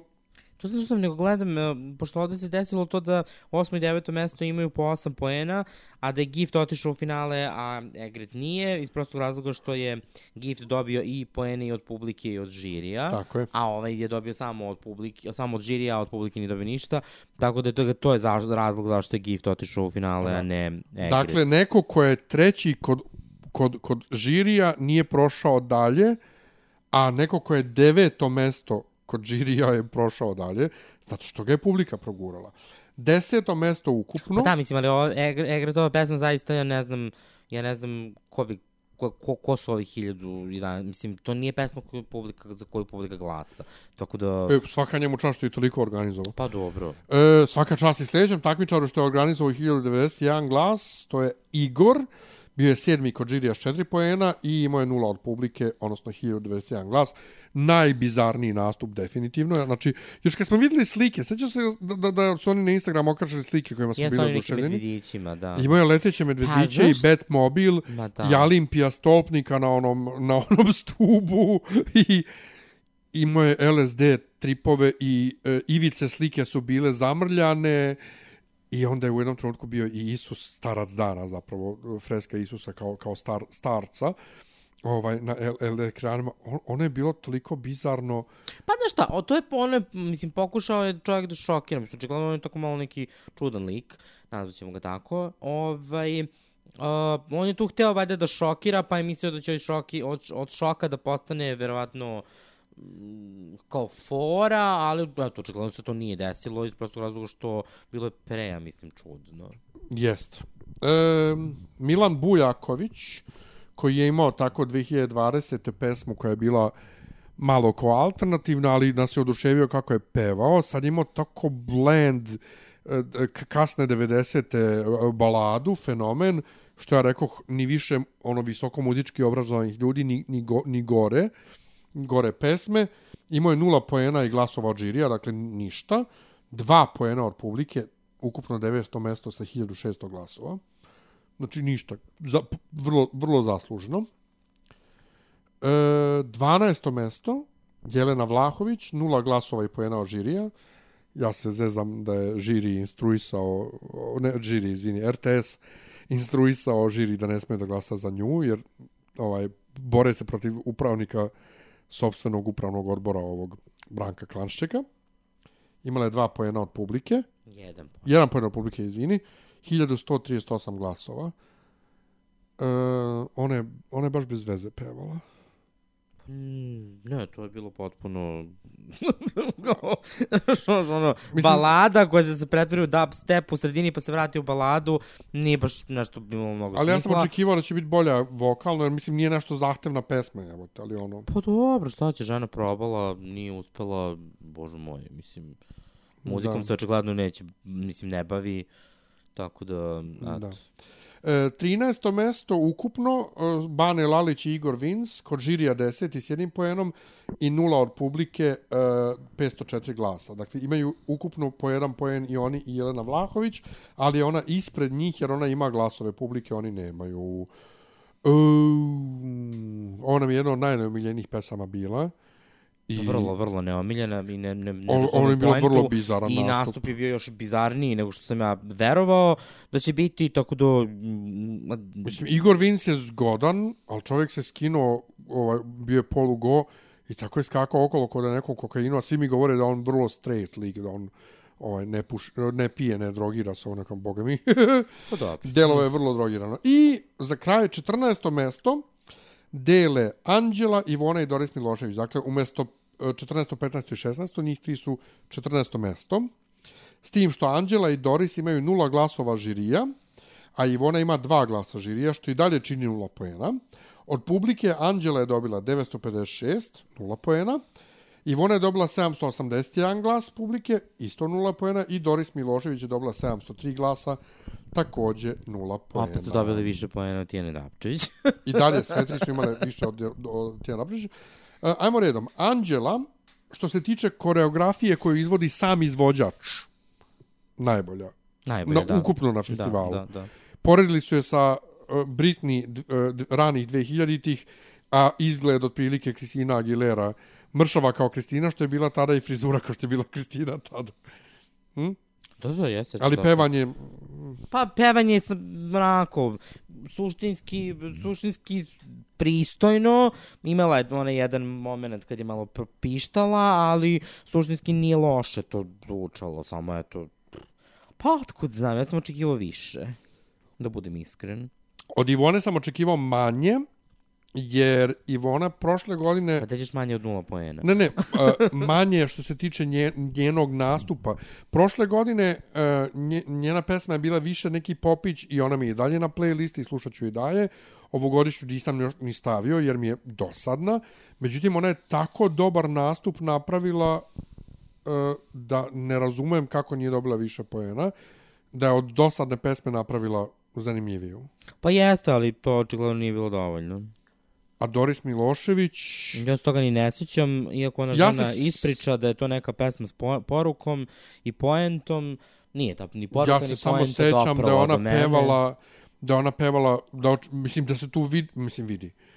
Mi, mislim, kad znaš da ona daje glasove u crtanim filmovima tako, jasno ti je da, da je to, da, da ne peva svojim glasom, jer kad priča, priča normalno, a pevala je sa nekim onom utanjenim, malo piskutavim glasom, kao, kao ono da imitira neko dete. Pa da, ali suštinski ništa tu, mislim, nije bilo, do- ni, ni imalo upečatljiva te otuda, jel te, sve to što je imala, tako da, Mm, Da. to je glasove koje nije imala. Da. E, otvori ti kod sebe, molim te, e, ovaj, tabelu za, za finale, da možemo to da, da, da prodiskutujemo. E, samo jedna anegdotica. Dakle, da dan kad je bilo finale, ili dan ranije, više ne mogu se setim, ovaj, e, video sam se s nekim u gradu i pričali smo o ovome i ja rekoh, bože dragi, znači moraju da, znači super je produkcijski, stvarno svaka čast, jedan od najboljih festivala u Evropi, bla, bla, bla, ali moraju žiri da srede. Sastav žirija, znači ne, možu, ne mogu stalno uh, Slobodan Marković, uh, Aleksandra Kovač, Nevena Božović kao predstavnik mlade generacije, koje predstavne mlade generacije, Nevena je davno bila mlada generacija, ovaj, i ovaj Aralica i tako, znači trebaju nam kao producenti aktuelne muzike, ok, Nemanja Antonić ne može se stalno takmičiti, zato Cobi, znaš staviš Cobija u žiri, I završilo se finale i proglašavaju ko je žiri. Mi kao Lena Kovačević. Oh. Dragan Đorđević Suzuki, to je profesor sa, e, sa FMU, Muzičke akademije, i on svira, ako se dobro sećam, sa e, Nemanjom Radulovićem, ovaj našim poznatim violinistom, koji je stvarno svetska mega rock zvezda među violinistima. Ovaj čovjek puni dvorane širom sveta i prodaje ono kao ogromne tiraže za ovaj Warner, mislim da je Warner Classics. E, onda kaže ovaj Nevena Božović i Miro kao fazonu, jo, brate, opet Nevena, i onda kaže Cobi. Ja zbunjen, ne mogu da verujem. Kažem, dosta Nevene, hoćemo Cobi, oni stave i Nevene i Cobi. Ako da me neko prisluškivao, i Sašna, Lo, Saša Lokner, za kojeg sam ja mislio da je mrtav. Ali zapravo nije on mrtav, mrtav je Lazar Istovski s kojim je on snimio, jel, to čuveni album Naos 94. Lazar Istovski iz Bijelog dugmeta, Saša Lokner iz Bajage. I žiri nas je zajebo sa, sa ovim e, sa, sa, sa glasovima. Mi smo mislili da će ovaj žiri da izignoriše i Luku Bleka i Filipa Baloša. Ovaj, međutim, šta se desilo? Uglavnom su glasali za Luka Bleka, a i za Baloša, ali su na kraju ipak izgurali na prvo mesto Nađu, to jest pesmu Kristine Kovač, i to Cobi njoj da 12 poena, a koliko je Cobi dao Stefanu Šaju? A, nula. Nula. E sad, moguće je da, pošto on ima Basivity, onaj svoj studio, on, on nije IDJ, mada mislim da se pojavljuje u nekim IDJ ovaj, saradnjama, da on zato dao ovome, jer su kao suprotno, ali da Cobi da 12 poena pesmi koju je pevala Nađa mi je bilo potpuno kao what the fuck. A Nevena Božović glasa onako kako bismo očekivali od njega. Nevena je dala koliko? Beše. Stefanu Šaju 10, ili da? Ili dva? Jeste, 10. A 12 Luku Bleku. Ne, 12 je dala Baloš. Balošu. A 8 Luku Bleku. 7 Luku. Ok, i to je dosta. I to je mnogo. 8 poena je dobio moj ožiljak na duši. ok, nije niko od njih dakle izignorisao maksimalno moj ožiljak na duši, ali ona, ona je glasala više onako kako bi od njega očekivao. Tako da ne znam da, da li je Cobi bio dobro rešenje. Pa, zamalo da ne, ali u svakom slučaju, pa da, mm, uh, ja ne znam, kad, kad je izašao žiri, mislim, ja stvarno ne, mislim, aj kao Lena Kovačević, Nevena Božić, Cobi, uh, ovog Suzuki stvarno nisam čuo, ovaj, za Sašu Laknera čuo, ali, eto, ovaj, nisam očekivao da će biti, tako da, um, Mislim da je Suzuki isto vrlo korektno glasao svi su oni, svi su oni korektno Mislim, glasali, šta nema znači korektno? Korektno u smislu šta smo mi želeli, kako, šta, kako, Pa kako da. mi želimo da U tom glasamo. nekom smislu jesu, svi su, svi su zapravo koncentrisali glasove oko Nađe i Luka i ovaj i pa Baloša, tako da eto, osim što, što nam se Nađa ne sviđa, opet ne mogu da kažem da nisu trebali da glasaju za, za tu pesmu. Bože moj, slabo mislim. Kako je Gypsy prošao kod žirija ovog puta? Uh, Gypsy je dobio pet glasova od Lene Kovačević, tri glasa od Đorđevića, pet glasova od Nevene Božović, šest od Cobija i šest od Saša Loknera. Znači imaju ukupno 25 A koliko je to u, poenima posle? poena, a to je od 25 i 5 poena. Pet poena. Da. E, pošto je posle, dakle, posle finala je bilo mnogo priče o problem, o, o ono, Karleuša je nešto lupala o white supremacy, kakav crni luk i neće crni luk i trebalo je da pobedi Zena kao najbolji vokal i world music, iako je Zena nije nikakav world music, nego jednostavno španski flamenco rumba ili gypsy, bla, bla, bla. E, sama činjenica da je čovjek pobedio u polufinalu ovaj, i evo, ovdje dobio respektabilan broj poena, ono kao, izvini, ali jednostavno nema nikakve priče ni o kakvoj uh, ono kao rasizmu prema Romima ili šta. Imali smo bre ukupno pa bar četiri Roma u, u, u finalu sada. Znači Duo Grand i, i Zenu i, i, i Gypsija, što do sad nikad nismo imali. Kako je Zena beše prošla kod njih? Uh, Zena... Je... Ona nije dobro prošla kod žirija. Ne, Zena je dobila jedan poen od žirija, mislim u smislu na kraju sedam od glasova i jedan poen, mislim i pet, odnosno šest poena. odnosno Ali da se razumemo, kod- o, naš, o, i njeni fanovi i ona, verovatno ona u zajebanciji, je, je zvali Chanel, kao srpska Chanel, ali ne, o, o, ono malo što ona kao igrala dance break, ovaj, što je imala, pre to ne može se, ma ne može se Mislim, ona, sanja. ona, izvini, nije imala dance break. Ako ti se, ako ti se stajanje u mestu u, i, Pa pesma ima dance i break. diranje uz, u, i kao neko, neki dodiri uz ventilator zove dance break, ja ne znam. Pa to ti kažem, ona je nešto trebala, uradila je nešto rukom preko glave, pa kao nešto, ali u zamisli, to nije ni, ni epohalno. Telo joj se nije pomerilo. E, na kraju je Luke Black pobedio, dakle, sa 10 pojena od žirija, jel da? Jeste. I 10 pojena od publike. Dakle, Luke Black nije bio prvi niko od žirija, niko od publike i e, pobe, u, ukupno je pobedio. Onda je bilo puno priča kako je moguće da on sa šestog mesta u polufinalu pobedi. Pa prvo zato što nije isti žiri i nije, ima priča da je tendencijozno promenjen žiri da ne bi pobedio Gypsy ili da ne bi bilo ovo ili da bi drugo. Kao, ljudi, još u prvom polufinalu je najavljeno da nije isti žiri u polufinalu i finalu i svake godine je tako. Dakle, nije nikakva zavera, nije ništa, plus stvorio se hype. Znači, stvorio se hype između ovaj uh, polufinala i finala, Kao i prošle godine. koji prošle godine. Princ je do duše pobedio i u polufinalu i u finalu kod publike. I jasno je što je pobedio, jer naša publika hoće ponovo Lane moje, kao i deo strani fanova što želi. Ali jebi ga, mislim, stvarno nije, nije trenutno vreme z, ponovo za Lane moje. Ali hajde samo da bacimo pogled na razlike, e, dakle, razliku u glasovima između polufinala i finala. Najveće razlike, naravno, imaju Prince i Luke Black. E, I znači razlika između njih je bilo 300 i nešto glasova ukupno. Znači, ni to je vrlo zanemarljivo. Pa dobro, ali isto razlika između Nađe i Luka Blacka je 3 poena. Između žirija i, znači on, on je dobio ona je dobila 52, on je dobio 49. Mislim, ni to, nisu razlike. A misliš glasova žirija? Pa da. Pa da, nije to je ni, ni, ništa posebno. A koliko je treće plasira niko žirija imao? Treće plasirani? 41. Ko je to bio? Filip Baloš. Da. E, dakle, Luke Black je imao ukupno 20.070 glasova e, publike. To je 15.682 razlika u odnosu na polufinale. E, sad ne mogu, čekaj da vidim, da bacim na, na brzaka pogled kako je kod Konstrakte bilo. Konstrakta je imala u finalu 44.459, a u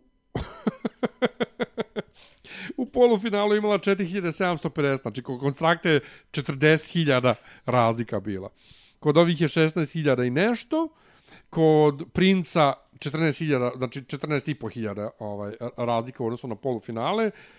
E, svi su imali malo više glasova, ali mislim, Filar je imao ono kao najmanju razliku, 600 i nešto glasova, Boris Subotić 677, Čegi 755, Duo Grand 841 i tako dalje, i tako dalje. Dakle, malo ko je uspeo da napravi, mislim, Frajle 1000 i po, ovaj, razlika, Hurricane 2267, znači niko osim, niko osim, ajde da uzmemo recimo, da to bude od Baloša, kad, kad se pređe 5000. Znači, Baloš i Zejna, znači od Zene. Zena imala imala 5.500 razliku i onda Baloš 6 i nešto i tako dalje. Gypsy 8695. E, n- n- ostali nisu nešto mnogo više ljudi pokrenuli da glasaju za njih u odnosu na polufinale. Pa nisu. Pa mislim, ovo je nekako to je očekivano. Uvijek u finale gle- i gleda više ljudi i više se glasa, jer je tad bitno. Mislim, bitno je ovamo u suštini ko će proći ili nije, ali to se uvijek nekako računa da će, mm, ono, neko će proći, ovaj, ali suštinski u finale je bitnije mnogo što se tiče publike i glasanja nego samo, nego samo, samo polufinala. To je jednostavno tako. Ali je- I uvek, da, i uvek je, ta, uvek je, uvek je ogromna razlika između finala i polufinala po broju glasova, tako da ništa, to nije sad neočekivano drugačije, eto, ob, imali smo 20.000, što je nekako postala nova norma, ovaj, ranije je bilo mnogo, mnogo, mnogo manje glasova nego danas na prethodnim ovaj, takmičenjima, tako da je ovo, ovo je nekako od 2020. i Hurricane, uh, koje su isto imale 20.000 uh, kao pobednice, 2020. nekako svake godine pobednik ima 20 plus. Da. hiljada. Vidiš, gle, e, sad možemo da kažemo, vidiš ti da je ovaj um, ta količina glasova prošle godine stvarno bila neviđena. Do duše, krenemo od 2020. kad su Hurricane dobile 19.000 i nešto kao pobednice ovaj, u, u, u finalu. Šta? Pa to sam sad pričao. Ne, ne, kažem, krenimo od toga. E, to je bilo kao neviđeno. Pre njih su samo OT band je imao 25.000 u finalu. 2009. je to beše bilo, jeste. Nikad, ni pre, ni posle. Marija Šerifović je bre pobedila sa, mislim, 5.000 glasova. Jeste, oko 5.000 U, oko da. 5.000 je imala 2007. Znači, OT band kad je imao 25.000, to je bilo nečuveno i nikad se više nije ponovilo. Do 2020 prošle godine je bilo ovaj neviđ 2021 nije bilo takmičenje. Prošle godine Sara imala 20.000, Konstrakta 44, znači preko 65.000 samo njih dve. I ove godine pad. Međutim, gledanost nije u tolikom padu. Prošle godine je gledalo o, ovaj fin, polufinala 1,4 miliona ljudi, a ove godine 1,2 miliona. Znači oko 200.000 gledalaca, ali mnogo manje glasanja. Što samo opet svedoči o tome da nije toliki hype se stvorio i nisu toliko pesme e, nijedna odvojila kao prošle godine. Ali ove godine i dalje su ukupno ukupno su zanimljivije pesme ovaj nego nego prošle godine. I dobili smo pobednika kog smo želeli. Jeste. I sad, mm, mi smo gledali reakcije stranaca. Mnogo ima e, na YouTube-u ono video reakcija na njega, kao što je bilo i za Constructor, čega obično nema u tolikoj meri. Ono, kao svaki najmanji kanal ima reakciju na Luka Blacka. Dobro se kotira po YouTube listama. ovih ovaj youtubera koji prave svoje liste. Jedini problem nastupa u prvom polufinalu. Da, on nastup u prvom polufinalu i to je u prvoj polovini prvog polufinala. Što je užas. Znači može se desiti da bude prvi. U smislu da bude na prvom mestu. Da nastupe sa prvog mesta. A ono, skoro se niko nikad nije, ili možda se niko nikad nije planirao, pl- plasirao sa koji je nastupao prvi, ne mogu se da nađem. Jest, jest. To je, to, je, to, je, to je veliki problem. I to polufinale isto kao kod nas što je bilo. Prvo polufinale je klanje, drugo polufinale je ovaj mnogo um, um, um, mnogo je lošije, dakle mnogo je lakše proći iz drugog polufinala. I dodatna začkoljica od ove godine ili bar ove godine jeste nema više žirija u polufinalima na Euroviziji. Ove godine je samo televote i neće glasati samo zemlje učesnice, nego i zemlje koje ne učestvuju, još se ne zna koje je tačno, jel da? Jeste, da, oni će nastupati pod, uh pod uh, imenom Rest of the World i um, to već postoji na, na nek, na, na OGE Second Chance takmičenju, postoje čak kao i predstavnik uh, Rest of the World, pa su onda kao eto pod uticajem toga verovatno uveli i ovde, samo što ovde ne znamo šta tačno se podrazumeva Pod Rest pod tim World. Rest of the World, da li su to neke, da li su to evropske zemlje samo ili ima i Južna Afrika kao što recimo ima na OGE. Da. Tako da suštinski, ovaj, suštinski vidjet ćemo to. Vidjet ćemo, to još nije objavljeno, ali što je bitno, dakle, da se naglasi, neće te zemlje pojedinačno dati glasove, nego kao Da, jedan zbirno. kontingent glasova, kao rest of the world. E, ima puno zabrinutosti što nemamo žiri, ali, setimo se, posljednji put kada je bilo čist televote, i u polufinalima i u finalu, 2007. Srbija je pobedila. Imamo ovde bar Hrvatsku e, i mislim, ja mislim da, da ćemo proći ovaj bez problema u finale. Ili, Pa ja isto mislim, ako se ovaj, ovaj hype koji se stvorio oko, oko njega uh, pre, prenese u, uh, u finale, uh, to jest ne u finale, ako se prenese na Euroviziju, uh, mislim da će on relativno lako da se plasira. Pogotovo što odskače. Znači, on odskače. To isto kao što je Konstrakta odskakala, on odskače, ali on odskače zapravo u još nekom, ono, e, ekstremnije. Jer njegov nastup spram Konstraktinog je stvarno, ono, baš, baš ovaj ekstreman. Fenomenalan je nastup, to nismo još ni rekli za njega. Znači, njegov nastup i kako je snimljen i kako je osmišljen i sve fenomenalno i on zvuči, mislim, nije, on tu ne mora nikak, ne, nikakve posebno kao glasovne sposobnosti da ima, ovaj, ali mora da, da ume da kontroliše glas tako da bi onako sve otpevao kako otpeva, kako zvuči kao na, na, na, na studijskom snimku. Vizuelno, ja stvarno, tako nešto nikad nije bilo na Euroviziji, ani na Beoviziji. Ja mislim da, će, da to može dobro da, Da, prođe. ja isto mislim, ja isto mislim da je ovo bio dobar izbor, bez obzira na to šta god ljudi pričali. A pričaju Am, svašta. A pričaju joj. svašta, ali to je također isto dobro. Ali od satanista Pa ne, do... ali pazi, to je isto dobro, jer, uh, jer ako, ako su sad svi ono, ne, da su svi komentari negativni ili svi pozitivni, nešto tu nije u redu.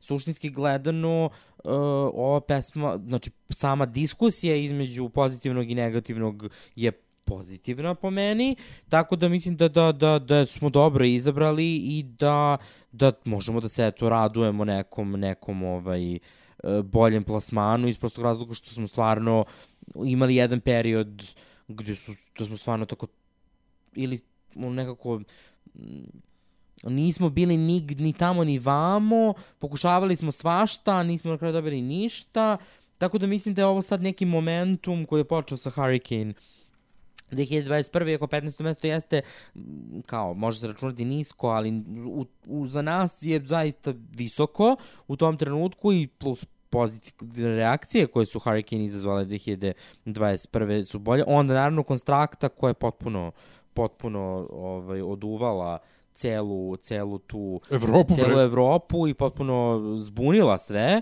i to se to isto lepo tako prelilo u iako Konstrakta često u tim uh, klipovima tih youtubera koje mi pratimo uh, nije bila visoko kotirana, ona je na kraju eto odletela odletela na peto mesto što je čudo neviđeno, jer mi eto od Željka Joksimovića 2012 nismo imali uh, top 5 um, Plasman? plasman uh, tako Či da... top 5, nismo imali top 10. Imali smo top 10, ali nismo imali top 9, 2015. top 5. Uh, tako da u tom nekom smislu mislim da je to Mislim da je ovo dobar izbor, jer, opet ponavljam, uh, bez obzira što to jeste predstavnik Srbije, odnosno RTS-a Srbije, što god, kako god želite to da vidite, um, na tom takmičenju uh, ipak je poenta šta će reći Evropa. Dakle, nije poenta šta će reći bilo ko u Srbiji, nego je poenta šta će na kraju reći Evropa i kako će ona to oceniti i da li će glasati ili neće glasati.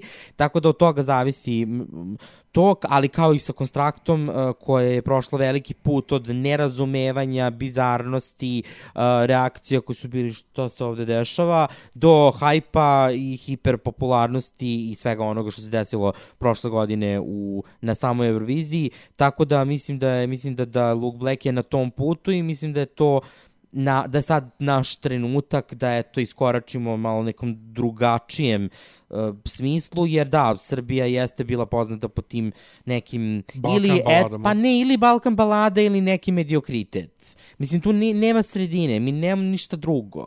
Znači nismo ništa drugo uh, slali. Slali smo stvarno nešto što jednostavno ili nije pevljivo ili nije imalo nikakav utisak, ne ostavilo nikakav utisak ili je bilo previše u, ne- u nekom ono kao sm- smeru, kao mislim ovo je Balkan Milan Stanković, mislim ne znam šta je ono bilo. Ali ovaj tako da u tom nekom smislu mislim da je ovo dobro da se predstavimo uh, drugim nekim žanom. Kao što sam ja kukao za Anom Nikolić 2006. i što nismo poslali iz prostog razloga što ne, to nismo slali ono, ono što ja zovem gola žena ovaj, koja je džuska o, na samu Euroviziju, pa smo to posle imali sa Hurricane koje duše nisu bile gole, ali nema veze, svi su ih, Iako svi su ih zamišljali da su bile gole, Ali, očigledno. ali, svi, ali svi pričaju i dalje. Ovaj, ma da, mislim, ali dobro, to je sad druga, Znači, to je druga sad priča, ali hoću kažem, a, meni, ja volim da vidim različite eh, žanrove i različite tipove pesama eh, koje neke zemlje šalju, eh, kao što smo prošle godine sa konstraktom poslali nešto što je bilo potpuno neočekivano od Srbije, kao takve, jer opet mi imamo neku reputaciju na toj Euroviziji bez obzira šta god ko mislio. A, ovaj, a, tako da i ovo je, ovo je takođe nešto drugačije. Nismo slali takav neki agresivni elektro, n, dakle, u stvari redko ko je ikad pa, pa ovaj, slao taj tip e, muzike, ovaj, e, a ne opet sa takvim nekim nastupom koji, a da nije seksualan, tako da, da. e, da, tako da u tom nekom smislu mislim da je ovo dov, ori, dovoljno E, drugačiji od pogotovo kad imamo u, u obzir, što opet ljudi ne uzimaju u obzir, a to je kad, e, kada se uzme šta su druge zemlje izabrale, e, u tom onda smi, u tom kontekstu smo mi dosta, dosta, dosta visoko, jer jer imaš dosta pesama koje su onako liče jedna na drugu i možda ih pomešaš. Mislim, tako da, tako da u tom nekom smislu to je nešto što može nam da nam bude veliki plus. Ja se nadam da će on u, u, u savladati malo više tu, malo bolje tu dikciju. U polufinalu je to zvučalo malo slabije, u finalu je to bilo dosta, dosta, dosta bolje. Zato što su svima mikrofoni u finalu O, tačno. I da jednostavno mora da, da, da, da, da, mislim, da, da uvežba to onako kako, kako treba, ili ipak drugačije će biti scena i drugačije biće mogu, mogućnosti te scene koja, koje imamo u Liverpoolu ovaj, u odnosu na ovu. E, tako da ja verujem da će ovo proći u finale. Sad kako će se plasirati, to opet zavisi od trenutka i od situacije i od uopšte Pa ćemo, koji znaš se tu Ja se dešava. nadam da, za, mislim, konstraktuje žiri dosta izignorisao. Ja se nadam da njega neće žiri toliko izignorisati, ali e, to si dobro rekao, nema, niš, nema nikakve seksualnosti u, u nastupu, što je super, jer to je najveći no, no na Euroviziji, ovaj, tako su hatari morali da se pokriju. I e, mm, ljudi kukaju kako nema ništa pevljivo u pesmi i pamtljivo ovo ono međutim e, beat koji je kao nazovemo da je to refren I just wanna live for, uh, e, I just wanna sleep forever uh, taj bit, je, svi ljudi otkidaju na njega i kao što su svi čim konstrakta kreće da, da ovaj, tapše koji rade reakcije tapšali sad bukvalno svi koje smo gledali kad on ono gore ka kameri na plafonu mahne i kaže hello svi mahnu hello. Dakle, u, ume, on očigledno ume. E sad ljudi izlače njegove stare neke izjave kako je Eurovizija treš, kako, kako on treba da ide na Euroviziju 2016. jel te? Ovaj, Ovo umjesto Sanje Vučić, um, to je tad kad je Sanja Vučić bilo u opticaju i on je bio u opticaju, E, ali mislim da su to gluposti i on je čovjek lepo ono e, rekao kao, kao, kako, kakav je, kako je bio edgy teenager i tako to.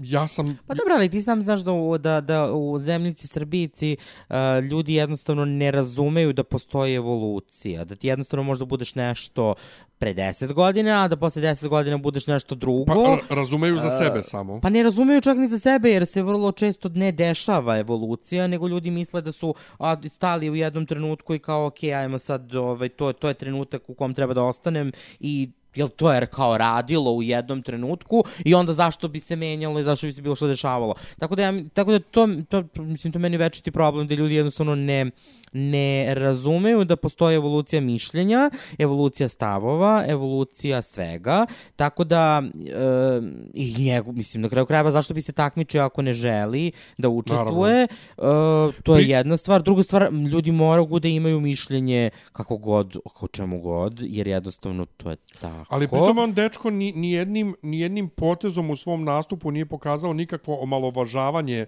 takmičenja kao što je meni recimo sama nastup Ramba Amadeusa bio, vidi se da on tu došao da podjebava. Pa dobro, mislim, da, ali to A ovo je da, baš, baš, Pa baš mislim, ono... ali cela, ram, cela karijera Ramba Amadeusa s druge strane je podjebavanje bilo čega. Pa da. I zato je on i bio popularan, zato što je podjebavao bilo šta, ne zato što ne znam ja koliko sad kao ne Dobra znam ja muzika, kakav dobra muzičar. Mislim, E. možda što zapravo možda jeste, ali se to nikad nije videlo. Tako da u tom nekom smislu mislim da mislim da to su priče koje eto tako a to mora neko da izvuče nešto, Ma da. pa Ali sad, nastup, njegov nastup, njegov nastup nastup je spreman ovakav kakav jeste za Euroviziju. Možda neki kadar da se doradi, da se malo svetla više ubaci negde, da se malo bolje vidi. Mada vrlo, vrlo verujem da on namerno traži onako svetlo.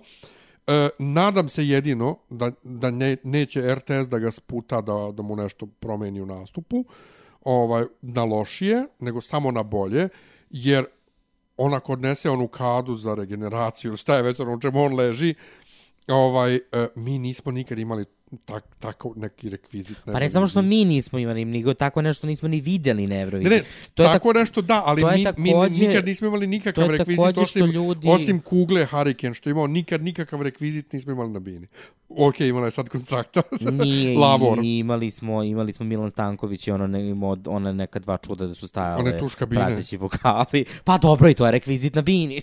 Pa nije u tom, Ne sad ali uspešan, to- ali, kao, ali to je rekvizit. Ja, ali to je bilo ko, ko od papira, bre. Pa nemoj, jeste. nemoj, nemoj mi to. Pa dobro, ali to je rekvizit, izvini. Pa jest, dobro, ajde nek bude. Ali ovaj nastup kakav jeste, ono kao ready to go. Pa ja se samo jeste, nadam da će, upravo da to, će da ga, pop, to. da, da, da ga, a, da ga, kako se to kaže, enhance Upravo to, ja ne, mi, zaista od svih nastupa, od svih pesama, uh, bitno, znači bitno je kako to sve izgleda ukupno. Znači može neko da peva ima najbolji glas na svetu ili da najbolji igra na svetu, ali ako se to ne slaže i ne ide jedno s drugim i jednostavno nije um, nije upečatljivo, džabe ti sve to. Mislim, Ja stvarno ono, verujem da su se svi trudili, svi su želeli, očigledno je da su svi hvatili da je vizualno bitno, pa su odlučili da, jel su svi imali neki koncept, neki Dobro, ali mi znamo da RTS to traži manji. od njih. Dakle, Pa RTS dobro, to ali to je stavlja, lepo. RTS stavlja to kao uslov. Pa dobro, ali kažem Ali- ti, to je, to je lepo. Prošle godine nisu svi ovoliko uspešno. Jeste, je, to, to je to. Tako da su, tako da mislim da je, da je, da je opet, opet ponavljam, on pravi izbor za eksperiment. Ja neću da kažem da će on biti prvi, ili će biti peti, ili će biti šta god. Ovo je dobro da se prikaže i da vidimo šta će da se desi. Jer kao i konstrakta, moglo je da bude uspešno, moglo da bude veoma neuspešno. Tako da, to se nikad ne zna. I neću sad da kažem, je sad kao, to što se meni pesma sviđa od prvog trenutka kad se pojavila, to je drugo, to je opet moj ukus, moje, svi, moj, moje neki senzibilitet ili šta god, e,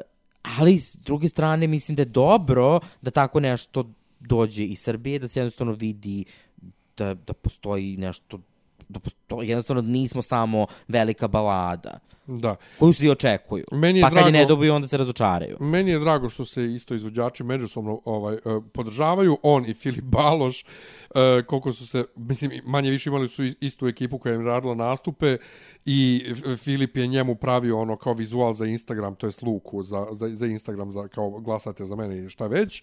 To je, men, meni je, ja, ja to, tu međusobnu saradnju ljudi ovaj, mnogo volim.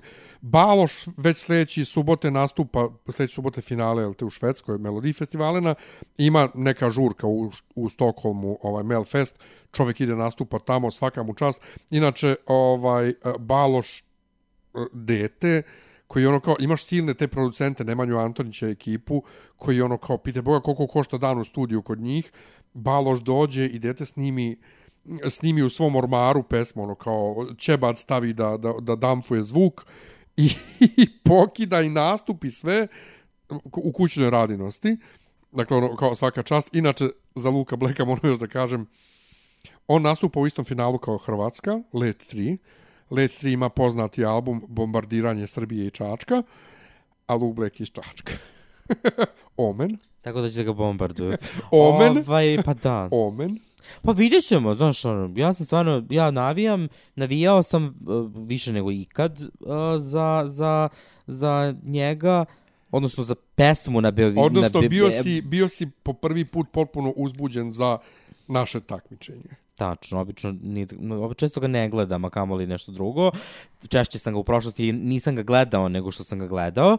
Tako da, ovaj, da, tako da meni se dopada što je to, to dobilo šansu da se prikaže, pa sad, da li će biti uspešno ili neuspešno, vreme će pokazati, neću da insistiram da će biti preuspešno, neću da insistiram da će biti neuspešno, vidjet ćemo, ali s jedne strane drago mi je što nešto takvo drugačije, ali drugačije u nekom, kom, mislim, konstrakta je bila drugačija, ali ovo je u nekom e, malo edgy, malo više, više je u nekom drugom smeru, ovaj, tako da mi je zbog toga posebno drago da jednostavno se prikaže i da, vidi, da, da vidimo kakva će biti reakcija. Možda reakcija bude potpuno bez veze, što takođe ne menja činjenicu da se meni veze sviđa. I mislim da je najbolja stvar na, na, na ovom izboru je e, koliko mladih, a nepoznatih, odnosno generalno nepoznatih ovaj e, izvođača je bilo i koliko su svi iskidali, bukvalno. Pa znači, da, očigledno svi. je, očigledno je postoji taj neki pool dec, talentovan, talentovane dece koje, koju ćemo tek videti. A, tako da meni je to, je drago. Mislim, pazi, Luke Black nije sad ono kao najmlađi od svih njih. On ima 30 godina, što opet nije puni puno, ali, ali ni malo kad poredimo sa drugom decom. Evo, na primjer, Nad, Nađa, ona ima 18 godina, uh, ovaj, Filip Baloš ima 22, 3, koliko već, znači svi su, dakle, to je le, lepo, lepo je vidjeti da postoji muzička scena u Srbiji. Jeste Luke Beck pričao da je on bio u crnini 40 dana zato što je muzička scena u Srbiji umrla. Ja mogu da delim taj sentiment jer sam ja isto tako pomislio u jednom trenutku da je muzička scena umrla, ali nismo u crninu, ovaj, pošto to, da, to nije to, ali s druge strane, tako da mi je drago da, da, da vidimo da, da, eto, mladi, da mlađi ljudi preuzimaju inicijativu koju očekuješ od, od mnogo iskusnijih. Ove, ali s druge strane mi je drago da vidim i Tijanu Dapčević i Filipa Žmahera i sve te ljude, mislim, ako se Šmilić Filip Žmaher, mislim, okružio decom od 20 godina i kao da bi šta ono će mlađi ili kako već. Ove, Da, ali e, s druge strane, da, tako da, tako da Ni- eto. Nisam pohvalio njegov nastup. Njegov nastup je Jeste bio bio lep nastup, e, stvarno. vrlo lepo snimljen. Dakle, e, razmera slike 4 sa 3 kao starinski kockasti televizor sa sve nekim 80s filterom ovaj, na slici. Dakle, čak, čak je on imao dobar nastup, ali jebi ga kaj je loša pesma. Pa da, E, tako ono da što- ima nade, ima nade. Ma ne samo da ima nade, nego što ti kažeš, ističe se različite od svega. Uh, od svi naši favoriti, moji, tvoji, a boga mi i generalno favoriti na Euroviziji trenutno, ovaj, su svi potpuno različiti jedan, jedni od drugih. Ova, iako većina fanova kuka kako će ovo biti jako loša godina, pogotovo matori fanova, ovaj, ja mislim da će ovo biti relativno dobra godina na Euroviziji. Pa vidjet ćemo, ima Jer još, te- jer ima još, još 10 pesama jakih, i čekamo. mislim, ima još jakih evrovizijskih zemalja koje nisu izabrale, Tako je. tako da čekamo, vidjet ćemo. Ali ovo što sad imamo, a što, je, što su favoriti, međusobno su dosta različiti, dakle neće biti dosadno. E, ti i ja ćemo za par nedelja, ili ćemo par nedelja pre Eurovizije, da snimimo, uh, napravit ćemo svoju, koja je svake godine, svoju top, top listu. Koliko su ove godine zemalja takvi? 37, 36? A Da, ali znaš šta, ja mislim da nema baš smisla praviti listu tog tipa iz prostog razloga što, što je malo, mislim što Mislim, ne, ra, druga, ra, drugačije su zemlje raspoređene po polufinalima. Možda bi bilo lepo da napravimo listu naših predikcija, odnosno naših um, um predviđanja ko će proći iz kog polufinala i da da napravimo liste po polufinalu, a da finaliste direktne uh, komentarišemo zasebno. Dobro, ali kako god, uh, ili, ćemo, ili ćemo nešto malo pre uh, maja, da ne bi se kiselilo toliko dugo, ova, ili, ili kad budu sad sve izabrane za, za desetak dana, pa ćemo da smislimo već. U svakom slučaju, sljedeći put kad se javimo, bit će to već sa našim reakcijama na uh, pesme i eto naša predviđanja da li će proći ili neće ovaj uh, za pesme koje se već takmiče na Euroviziji, pa ćemo u tom smislu, u tom kontekstu moći da sagledamo i šta predviđamo za Srbiju. Tačno.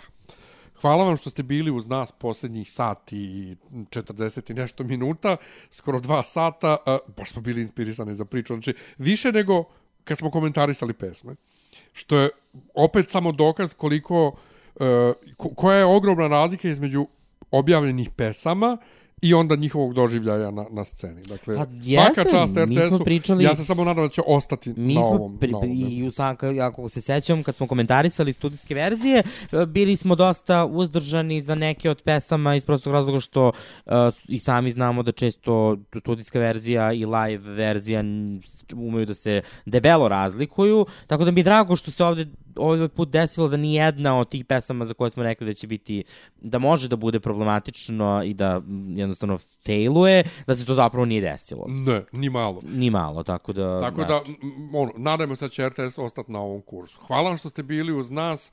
Pratite nas na Facebooku i e, na svim ostalim društvenim mrežama, naravno. Pa se čujemo već e, drugom prilikom. Ćao! Ćao.